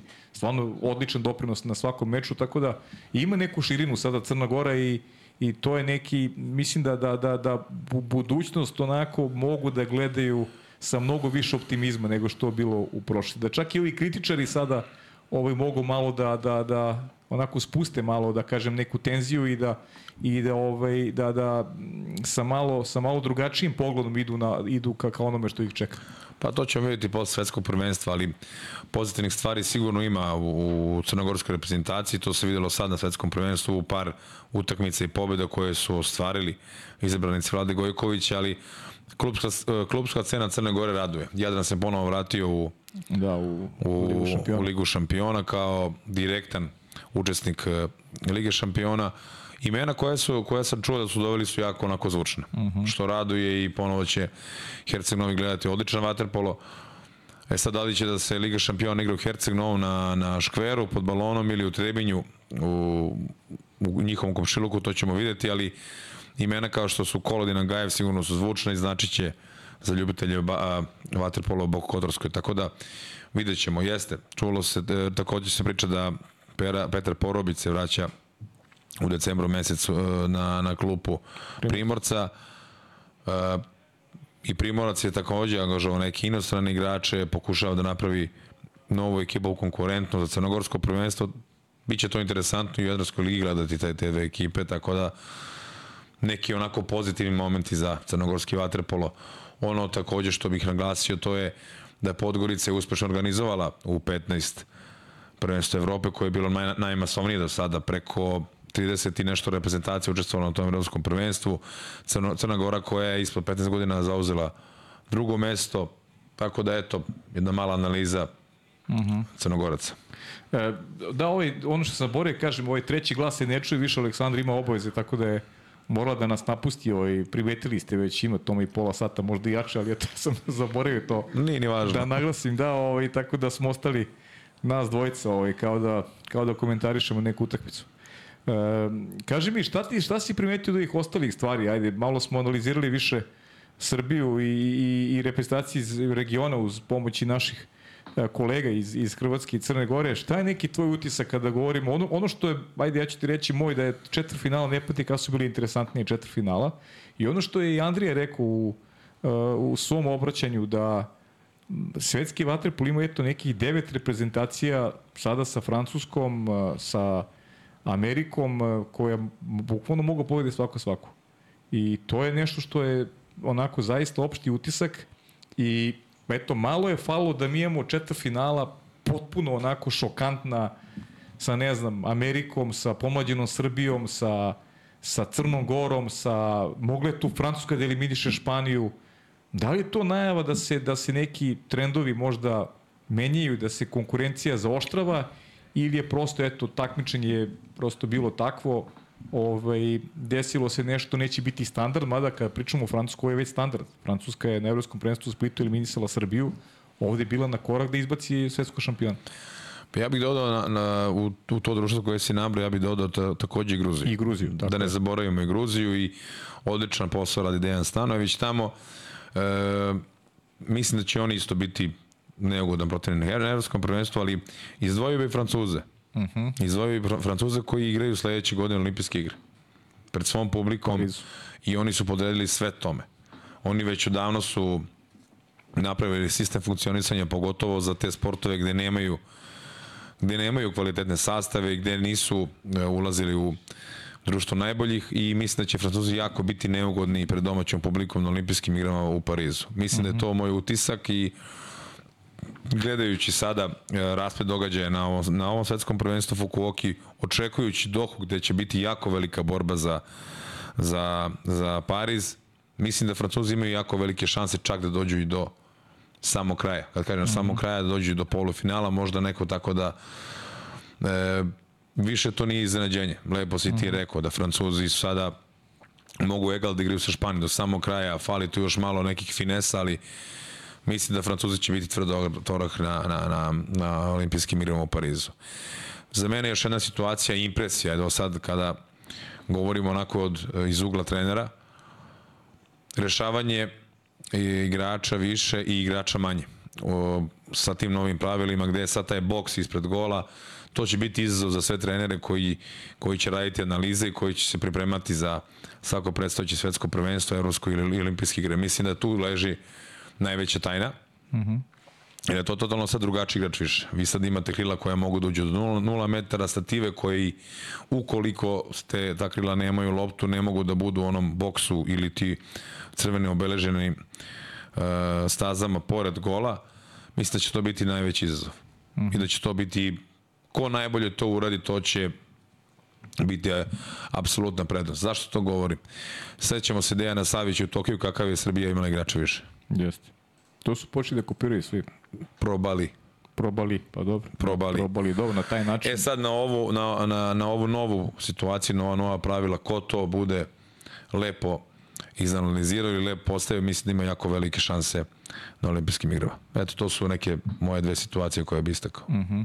Kad je Francusko u pitanju, primetio si šta je neka zajedničko, ajde da kažem, tkivo za taj procvet francuskog ovaj, vaterpola rep, repestivnog, uh, Vjekoslav Kobešćak, kako ušao u stručni štab, definitivno se dešavaju velike promene kada govorimo o rezultatu, o napredku igre pre svega kod Francuza. Ono što je evidentno, to je njihov napredak igre.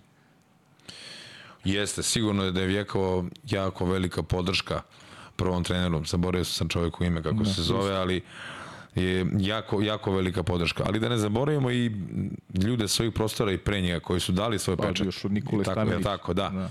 Ali mislim da Vjeko e, onako i, da, me ne, da, mi, da mi ne zameri iz prikrajka radi odličan posao i uh, lepo Francuzima deli svoje znanje koje je ogromno i stavlja ih onako u društvo najboljih sa svim reprezentacijama koje, koje pretenduju na taj sam vrh i svaka čast Vijeko Bešćaku koji, koji radi odličan posao za, za Francuze. Uh -huh. e, ja bih dodao još jednu reprezentaciju koju smo dodali u ovo društvo, Andrije, što je rekao Andrija 9, ekipa, ti ste dodao Gruziju. Ja moram da istaknem još jednu ekipu, to je Japan. E, Japan koji igra neki atipično vaterpolo, neki, neki svoj stil koji je vrlo interesantan i to je još jedna pohvala, eto pričali smo mi ovde nismo tad, tačnije tad još nismo ovaj, bili u, u, u, da nije još bilo odigrano osmina finala, ali Srbija je tu odigrala jednu vrlo zrelu utakmicu, nije bilo lako odigrati protiv domaćina taj njihov neki stil koji je stvarno atipičan, setimo se koliko smo imali problema u Riju protiv, protiv Japana, ali oni napreduju kao ekipa iz godine u godinu, imaju jednog igrača u Evropi koji igra za Oradeu, čini mi se, ona dvojka, Zaborio sam mu ime. Ove godine, ove sezone su imali e, pet, petoro igrača koji su igrali u Evropi. Petoro igrača? Tako je. U Trstu jedan, u Radeji i... Repestivci sve? Da, da, i njih četvoricu u Grčkoj. Eto viš, ja sam, ja sam za tog znao, za tog Rumuna, da je, da, za tog dvojku što igra u da. Rumuni, ali... Da. Tako da su imali, imali su četiri ili pet igrača koje su igrali, da, da po dvojica su bile u Grčkoj, u, u, čak u dve ekipe su bila po dvojica. Uh mhm. -huh.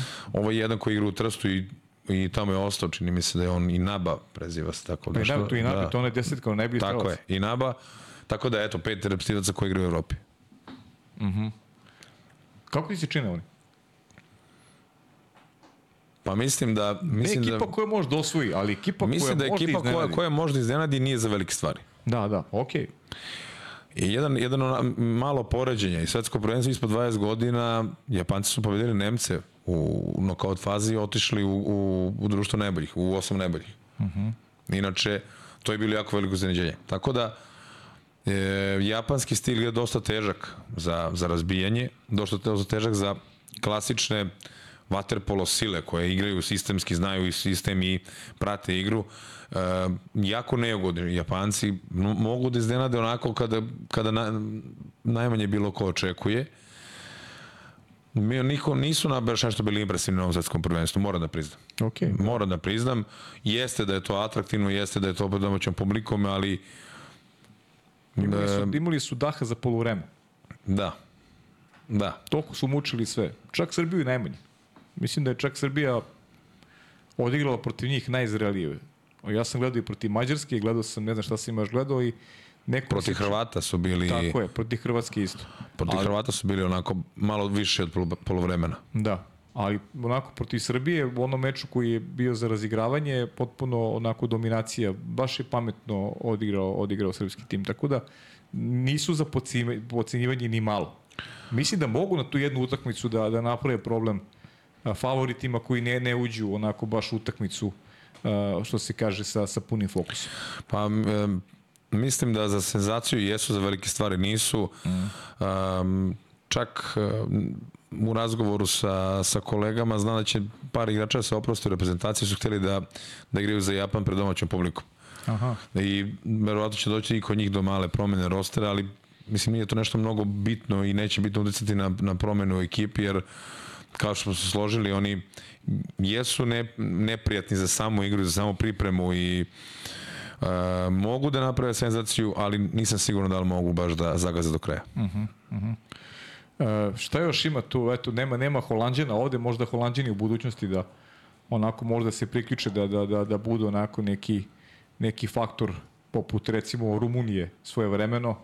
Ovaj, možda sam otišao daleko, ali stvarno imaju potencijal u tim mlađim selekcijama, dobro se radi i dobre rezultate imaju u tim juniorskim svetskim šampionatima. Malo sam otišao, otišao sa teme, ali eto, generalno o, o, onako analiziramo malo i i generalno svetsku scenu i kao što ima u svakom sportu, tako smo imali ovde i reprezentacije koje jednostavno nisu dorasle ovako takvič poput recimo Južne Afrike, pa ne znam Argentine, to su ekipe koje onako baš ne utiču na tu neku svetsku mapu i pokušavaju da uče sad, ne znam koliko im to pomaže generalno, ali baš je nekad i neprijatno vidjeti te rezultate protiv tih selekcija.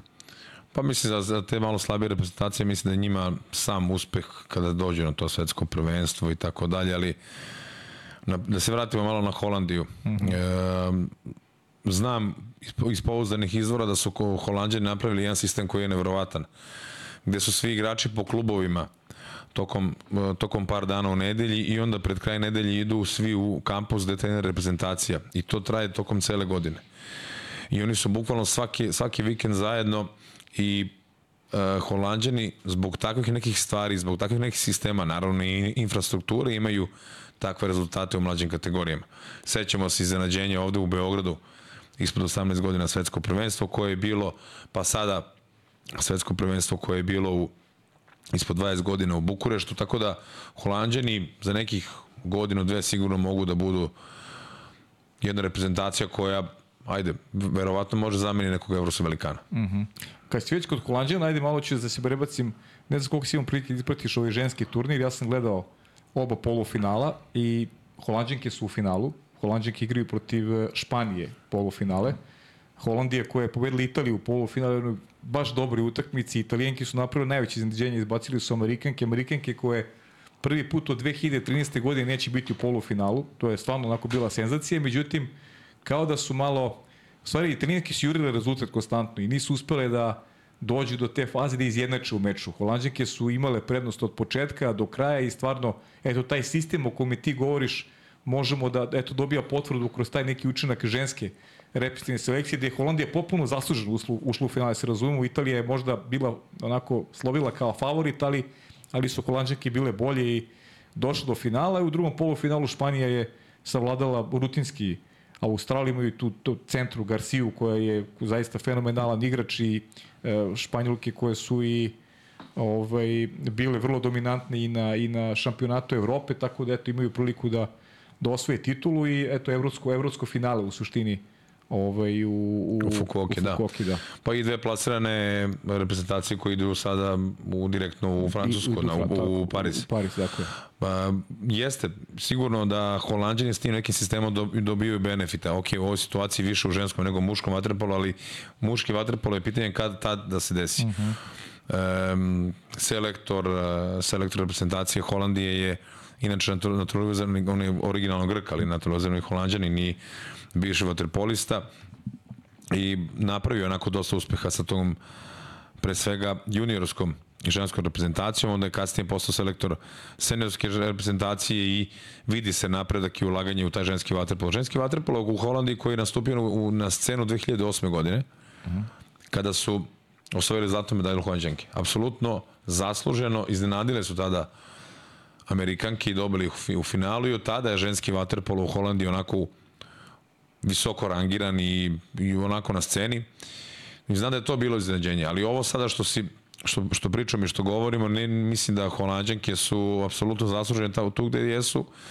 I pitanje je sada šta će se dešava, na primjer, sa Grkinjama, Mađaricama u narodnom periodu, gde i, gde i oni treba da, iza, da izbore vizu za, za Paris. Tako je, pa da. Imaš tu italijenke u konkurenciji takođe koje, Tako je. koji nisu prošle sada, a mnogo su očekivale od, od ovog polufinala posle pobjede Amerikankama, ali, ali generalno stvarno dva dva jako dobra polufinale i četvrtfinale, to je Italija Amerika gdje je bila zaista fenomenalna utakmica i ovaj baš je interesantan i taj i taj ženski turnir. Vlado, zamolit ću još da čujemo ovaj analizu naše draga kolege iz Total Waterpola Dragana Drecuna, pa ćemo se onda još malo Nikola ja pročeskati i završiti ovaj, ovu emisiju. Dobar dan svima u studiju na kraju univerzuma i veliki pozdrav za sve gledalce i slušalce podcasta pod kapicom. Posebna zahvalnost Aleksandri koja mi ukazala čast da budem dio 134. emisije podcasta pod kapicom u kojem ću dati neki svoj komentar na samu završnicu svjetskog prvenstva koje se održava u Fukoki i učinak reprezentacija iz okruženja Srbije, Hrvatske i Crne Gore. E, za nama su dva polufinala, potpuno različita. U prvom polufinalu Grčka je vrlo lako i ubedljivo savladala Srbiju 13 naprema 7, dok u drugom polufinalu smo vidjeli fenomenalan preokret Mađara i gol Manherca za pobjedu u posljednjoj sekundi protiv, vjerovalo se, prije početka turnira prvog favorita Španije. Dakle, saznali smo prve putnike na olimpijske igre koje će se održati, na olimpijske igre koje će se održati naredne godine u Parizu, to su Grčka i Mađarska. Mađarska ima šansu da osvoji svoju 26. veliku krunu, četvrtu na svjetskom prvenstvu, ima 13 evropskih i 9 olimpijskih zlata, dok sa druge strane Grčka ima šansu da osvoji prvu veliku krunu od ova, tri najveća takmičenja. Do sada su bili najuspješniji na svjetskim prvenstvima sa tri bronze, imaju srebro sa prošlih olimpijskih igara, dok na evropskom prvenstvu još uvijek nisu uzeli neku veliku medalju. Što se tiče samih polufinala, u prvom je učestvovala i Srbija koju, na koju ću se posebno kasnije svrnuti. Vidjeli smo dominaciju prije, Grčke u polju, prije svega fizički, kako u odbrani, tako u napadu, veliki broj blokova, veliki broj teških šuteva koje je Srbija morala uputiti, koji su razbranili Zerdevasa, a veliki broj šuteva je završio na samom okviru gola. Sa druge strane, Grci su svoju nadmoć pokazali preko svojih centara, prije svega Kakarica koji je postigao tri gola i izvuk, iznudio veliki broj isključenja. Takođe, svoj doprinos dali su i ostali, prije svih Argiropulos, takođe sa tri gola. Faktor iznenađenja je bio mladi Gilas, najmlađi u toj reprezentaciji koji je postigao jedan gol, imao nekoliko dobrih asistencija. Što se tiče Srbije, a, vidjelo se da nemaju iskustva još uvijek za ove velike, da kažem, mečeve. Mislim, u četvrfinalu su pokazali sjajnu igru, ali ova nova, da kažem, nova reprezentacija koja je pod vodstvom Stevanovića na okupu nekih 7 mjeseci, to jest od nove godine, pokazala je dobru igru o, samo u prvoj četvrtini to donekle, nakon toga e, velika pauza bez gola četvrtinu i po, tek su se krem treće četvrtine probudili i na kraju četvrte kada je već sve bilo riješeno. U drugom polufinalu Španija je čitav meč vodila, jedan do dva gola razlike, bilo je u jednom momentu i tri gola razlike, međutim Mađari su se vratili i eto golom u posljednjoj sekundi obezbijedili plasman u veliko finale i na taj način još jednom savladali, savladali Španiju u polufinalu velikog turnira kao što su radili i u Splitu prošle godine.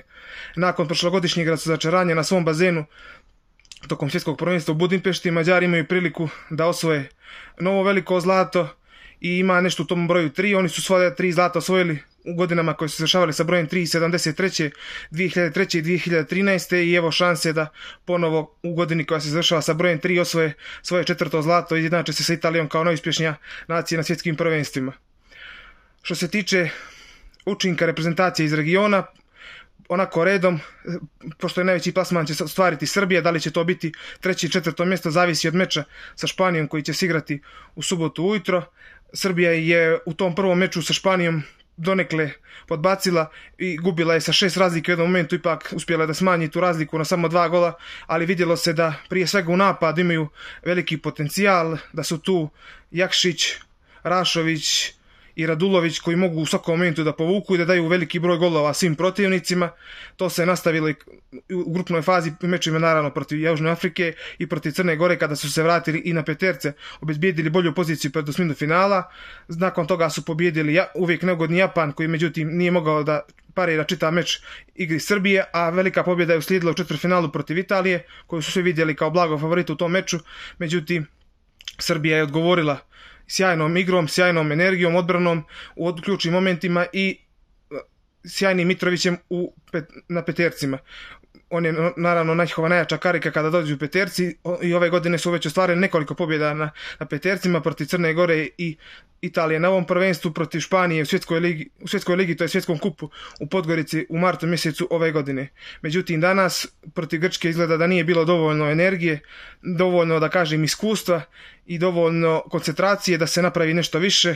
Osim 2-2 u prvoj četvrtini sve posle toga je bila jednosmjerna ulica i preostaje im borba za bronzu u subotu protiv Španije. Naravno i taj meč je za njih vrlo važan s obzirom da bi predstavljao pobjeda predstavljala osvajanje bronze i neke prve velike medalje za ovu novu generaciju i, za, i na ovom prvom velikom takmičenju na kojem ih uh, novi selektor Stevanović vodi. I zalog za budućnost, naravno, obezbijedili su plasma na svjetsko prvenstvo u Dohi sljedeće godine, dok vizu za Pariz će mora da traže ili u Netanji na Europskom prvenstvu ili u Dohi na svjetskom prvenstvu. Što se tiče uh, Crne Gore, za nju se može definitivno reći da su uh, donekli premašili očekivanjima, očekivanja, iako su u ovom meču, prvom meču razigravanja od 5. do 8. mjesta izgubili, jutro sa Španije od Italije ubjedljivo 10-6. Međutim, njihova velika pobjeda je bila u osmini finala protiv evropskog šampiona Hrvatske i bili su u, sam, u igri do samog kraja meča sa Grcima koji su evo došli do finala, što znači da je Crna Gora odigrala jedno jako dobro prvenstvo i protiv Španije u grupnoj fazi su bili jako dobri, protiv Srbije su vodili čitav meč, imali i više golova prednosti, ali nisu uspjeli da ostvare pobjedu u tom meču. Ovo je jedna mlada selekcija koja je koja nema dovoljno iskustva na ovim velikim takmičenjima, predvođena sjajnim golmanom Tešanovićem i na ovom turniru sjajnom desnom stranom u u, uloz, u, u duetu su djelovali Đuro Radović i Aleks Ukropina. Na suprotnoj strani naravno jedan jako talentovan igrač koji je prošle godine bio u Barceloneti imao priliku da uči od najboljih igrača svijeta Dušan Matković i sada prestoji borba za plasman na, na svjetsko prvenstvo kroz evropsko prvenstvo u net, koje se održava u Netanji u, u januaru mjesecu, a nakon toga eventualno kroz svjetsko prvenstvo da se pokuša izboriti plasman na olimpijske igre u Parizu. Biće teško, definitivno, ali Crna Gora je na ovom prvenstvu konačno pokazala da može da se bori sa najvećim selekcijama, jer je protiv Hrvatske ostvarila prvi veliki skalp nakon skoro četiri godine protiv najjačih, najjačih selekcija, a protiv Grčke je bila u igri za prolaz u polufinale do samog kraja. Što se tiče reprezentacije Hrvatske, definitivno jedno veliko razočarenje za njih. Oni su nakon zlata na Evropskom prvenstvu u Splitu na prvom sljedećem velikom takmičenju podbacili, jesu završili deveti, ali kad ispaneš u na prvoj prepreci u nokaut fazi, to je u smini finala od, od Crne Gore, definitivno e, ne možeš biti zadovoljan rezultatom. Sve posle toga u tom razigravanju za plasman od, od 9. do, 13, do 12. mjesta ili od 5. do 8.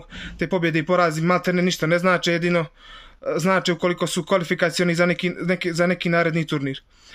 Ono što bih istakao u vezi sa Hrvatskom jeste da su u meču, to meču sa Crnom Gorom prepustili, da kažem, intenzitet i način igre Crnoj Gori, da se igra malo brže, da se igra jače i da nisu imali odgovora na, na tu igru ovaj, Bijač je odradio jedan jako dobar turnir što se tiče njega, ali uh, od igrača u polju vidjeli smo da izostanak Fatovića je bio, je bio veliki za, za Hrvatsku, a od ostalih igrača tu su skočili prije svih sa desne strane Butić i Harkov, sa lijeve Marinić Kragić, a lično sam razočaran igrom na ovom turniru dvojca Lazić i Žuvela, posebno Žuvela koji je na prošlom evropskom prvenstvu bio zaista fenomenalan.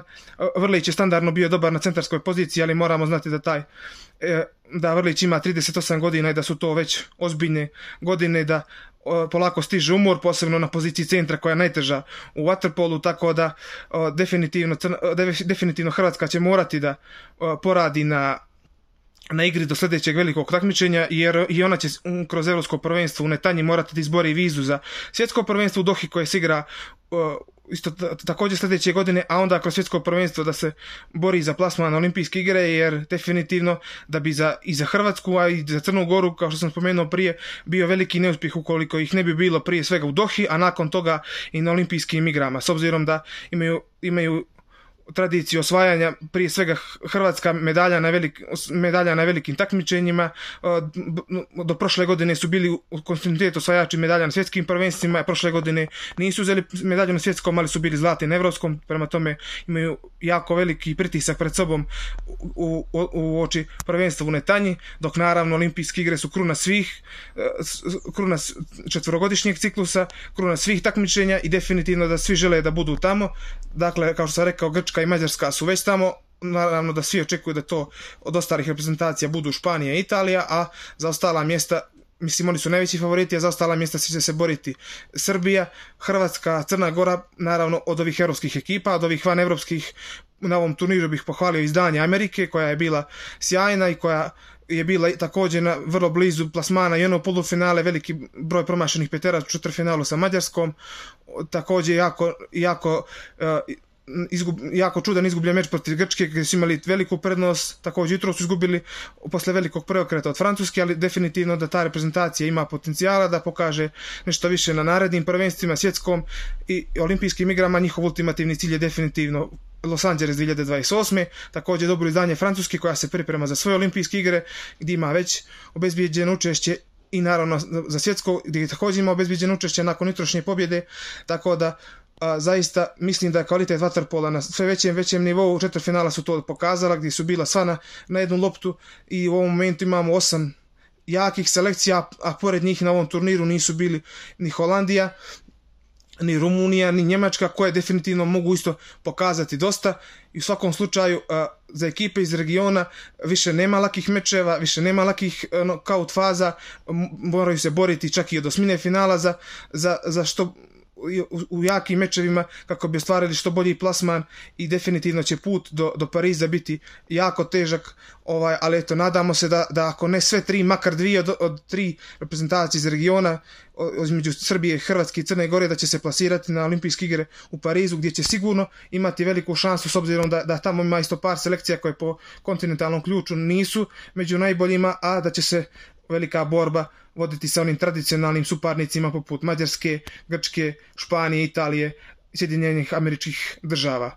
Što se tiče Evropskog prvenstva u hoki, to je sve i veliki pozdrav za sve u studiju. Nadam se da ćemo se gledati i čuti nekom drugom prilikom. To je bio Dragan Drecun, Nikola. Ovaj, ajde da on sad malo popričamo o nečemu što tebe čeka, ali za početak ajde mi kažeš šta ti vidiš, kako vidiš dalje ovu celu priču vezanu reprezentaciju, šta dalje? E, vrlo brzo će i repestivna, ova klubska sezona, a, igrači po klubu, a mnogi su i promenili ovaj, klubove. A, treba do decembra ovaj, odigrati pripremiti su u stvari kroz klubove za ono što ih čeka naredna godina će biti paklena uh, evropsko prvenstvo, svetsko prvenstvo i nadam se i olimpijske igre u Parizu kao, kao i da kažem, pa ne samo kruna, za neke možda i kruna, ali za mnoge i početak onoga što ih, što ih očekuje kroz, kroz reprezentaciju. Mi smo danas izgubili od Grčke, a nas očekuje utakmica i borba za bronzanu medalju. Uh -huh. uh, ajde da pričamo u svojstvu da smo osvojili bronzanu medalju i onda dešavanje posle bronzane medalje. Možemo uh -huh. tako da počnemo. Evo ovako. Ajde, recimo. Ja bih voleo da se reprezentacija što češće viđa, ukoliko je to moguće zbog tog gustog kalendara. Ja bih voleo najviše da se reprezentacija ne dira, nego da sve bude podređeno reprezentacijom i momcima koji nas predstavljaju. Uh mhm. -huh. Jer oni su najbolje ono što imamo i oni treba da izbore vizu za, za olimpijske igre u Parizu i to zaslužuju. Ja to želim i to očekujem narednom periodu. E sad to će mi da, da, da je moguće. Neće biti Uroš Stevanoviću lako, Neće biti vaterpolo radnicima lako u vaterpolo savezu, ali moramo sada da se svi skupimo i da radimo, jer ovo je signal da i dalje srpski vaterpolo uh, ima ko da predstavlja, ima odličnu ekipu, ima tu novih momaka koji su stasali već u igrači koji su se formirali kao igrači i ne treba više da žalimo za starom reprezentacijom i da ih upoređujemo i da govorimo da su, da su neka nova generacija koja je došla. Ne, ovo je naša reprezentacija Srbije koja nas predstavlja najvećim takmičenjima i uzela je bronzanu medalju na svetskom prvenstvu. Eto. Da, pod uslovom da ne uzme priča Pod ista. uslovom da ne uzme, nema veze. Tako je, priča je potpuno ista, igraju za bronzu protiv Španije, protiv Svetskog trenutnog prvaka. svetskog šampiona, protiv ekipe od kojih prošle jedina ekipa koja je prošle godine osvojila dve medalje i na evropskom i na svetskom šampionatu, tako da sve je u suštini ovaj, kako treba, u stvari u nekim najlepšim snovima kako smo projektovali da nešto možda se odigra, ovaj, manje i više se dogodilo, moglo da bude i bolje, ok, ali da li je realno da je, da je bilo da je bilo i bolje u, u, u nekoj situaciji u kojoj u kojoj su ispratili te momke u Fukuoku. To je opet s druge strane veliko pitanje. Pa da li je moglo bolje, uvek je moglo bolje, ali sad treba bude bolje, jer na uvek na neki teži način se mi naučimo, kažem, u da, pa mi smo trebali. Mm. E, mi sad, ne, ne da trebamo, mi moramo sad to da uradimo. Jer ne znam da li sebi možemo dozvolimo luksus kao olimpijski šampioni da, ne, da se ne plasiramo na olimpijske igre. Dobro, da to je opet, taj, taj pritisak i treba da osjećaju, naravno. Ne, ne, evo sad pričamo. To se dešava za godinu dana. Jeste. za godinu dana se deš, dešavaju olimpijski igre u Parizu. Jeste. Ali ono što se rekao je ključno. Ostavite te momke na miru, imaju punu podršku i treba da imaju, zaslužuju da imaju. Ovo što su radili ovde je fenomenalno. Nadam se da će napraviti iskorak. Ovaj, možda ćemo čak i u subotu se vidimo zavisi od nekog rasporeda. Ja sam razmišljao o tome da, da, da, da imamo još jednu onako specijalnu emisiju vezano na svetsko prvenstvo, ali ajde to neko, neko vreme ovaj, nekih naših obaveza diktira, pa vidjet ćemo da li će se to i dogoditi, ali svakako momci, alal vera, kapa dole i samo gurajte dalje. A ja bih ti za kraj Nikola pitao šta se dešava sa Tašom, da li si formirao ekipu, da li ima nekih transfera ovaj, iz tvog ovaj, menadžerskog ovaj, opusa koje možda podeliš sa nama Iz i, malog skromnog preduzeća. iz malo skromnog preduzeća izvoli mikrofon je tvoj. Pa mi smo juče počeli pripreme zvanično uh -huh. sa Vaterpol klubom Taš. Momci su došli, oni koji, koji su tu, oni koji su sa po reprezentacijama će kasnije da se priključi. Imamo dva internacionalca koji će doći uh, u Taš. Ajde sada da samo da se završi posao pa da potvrdimo Dobro. koji će to, koja će to imena biti i jedna onako mlada ekipa, mislim da su momci spremni za rad. Uslovi su fenomenalni na Tašu. Očekuje nas čak i jedan internacionalni turnir vikend 25. 26. 27. ovde na Tašu. To će biti onako neki pre-season zagrevanje, da vidimo gde smo, da se proverimo posle meseci po dana treniranja i već 16. septembra nas očekuje početak srpskog šampionata. Uh -huh. uh, mi ćemo biti u grupi, pošto se igra u dve grupe po šest, mi smo u grupi sa Crvenom zvezdom, Radničkim, Nišem, Valisom i e, Novobeogradskim Vukovima. U toj konstelaciji stvari nama trebaju jedna, sigurno, ako bude dve pobede, bit će dobro, ali jedna pobeda da bi zadržali to mesto u društvu najboljih i da bi u nastavku šampionata, koje se deli na gornji donji dom, zauzeli neko to mesto koje bi nam možda odredilo bolji plasman u odnosu na domaćinstvo ili ti prednost domaćeg terena. Raz, a, razvoj ekipe koji, koji će se dešavati će biti kroz Jadransku ligu. U rosteru sam ubacio 25 momaka i svi će oni dobiti šansu podjednako i uvek će igrati oni koji su najbolji, najspremniji. To se dešava u Tašu i iskreno ti kažem onako da čekam da počne ta sezona. Da, super. Ali ima, neko, ima nekih promena u, u, igračkom kadru, nešto što vredi reći ili, ili ajde ostavimo to za neku drugu priliku, a? Pa evo, Veljko Tangasić je napustio redove Crvena zvezda, otišao u Dinamo Tbilisi. Uh -huh. to, je, to je jedna novina. Što se tiče ostalih igrača, mislim da mislim da se, da se očekuje e, jako je veliko pitanje šta će biti sa Nikolom Jakšićem inače. Ma naravno, to je ključno pitanje da, sada. To je sad, ključno pitanje sada. Najboljim da. igračom svetskog prvenstva. Da. To je jako interesantno pitanje i vidjet ćemo kakve će ostale ekipe biti u srpskim šampionatima. Što se tiče što se tiče Grčke, Grčka već, već 16. avgusta počinju svi pripreme i uh -huh. oni su ostavili ligu na 16 klubova. Tamo smo uspeli da da napravimo saradnju sa pet klubova, tako da naših sedam igrača će biti u Grčkoj ove sezone i meni je drago jako zbog toga i stvarno negujemo te prijateljske odnose i saradnju sa, sa našim komšijama dole na jugu. Dobro. To je to, Nikola. Ja ne znam da li imamo još nešto. Mislim da smo sve onako podrobno analizirali. O tako, nema nekih... Vidit ćemo se u Kragovicu svako. Doći da vidim kako, kako izgleda taj kamp.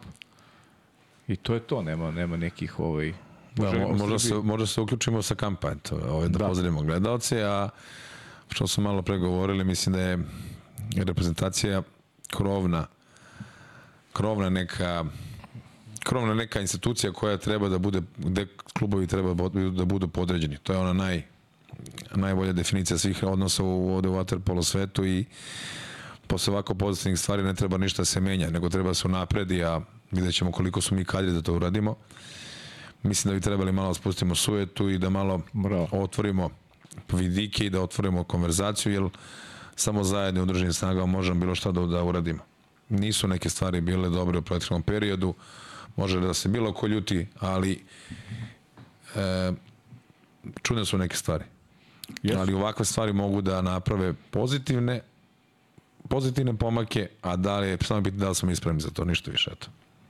Ajde neko ovo bude neki, momci su povukli potez, pravi potez, došli su polifinalne svjetskog prvenstva i mislim da, da taj rezultat treba da onako motiviše sve koji su u Waterpolu i da im pruže šansu i da i da ih ovaj, ostave na miru, da se pripremaju, da normalno rade, da a, sutra, prek sutra vrate Srbiju tamo gde, gde je mesto.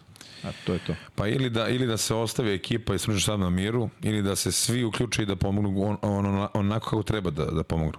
To su dve stvari, to su dva puta koje ja mogu da vidim sada. A momci sigurno ne mogu sami bez bilo kakve podrške. Tako je. Eto.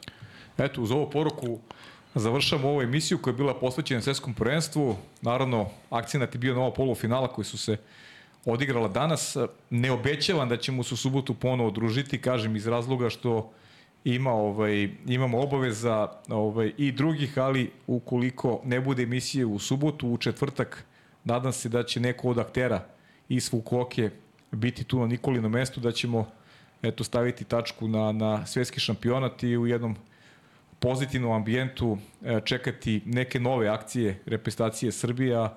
One su planirane za januar mesec kada je na programu Evropsko prvenstvo, onda u februaru svetsko prvenstvo i nadam se da će i Kruna biti u Parizu gde Srbija treba da brani olimpijsko zlato. Hvala na pažnji i uživajte.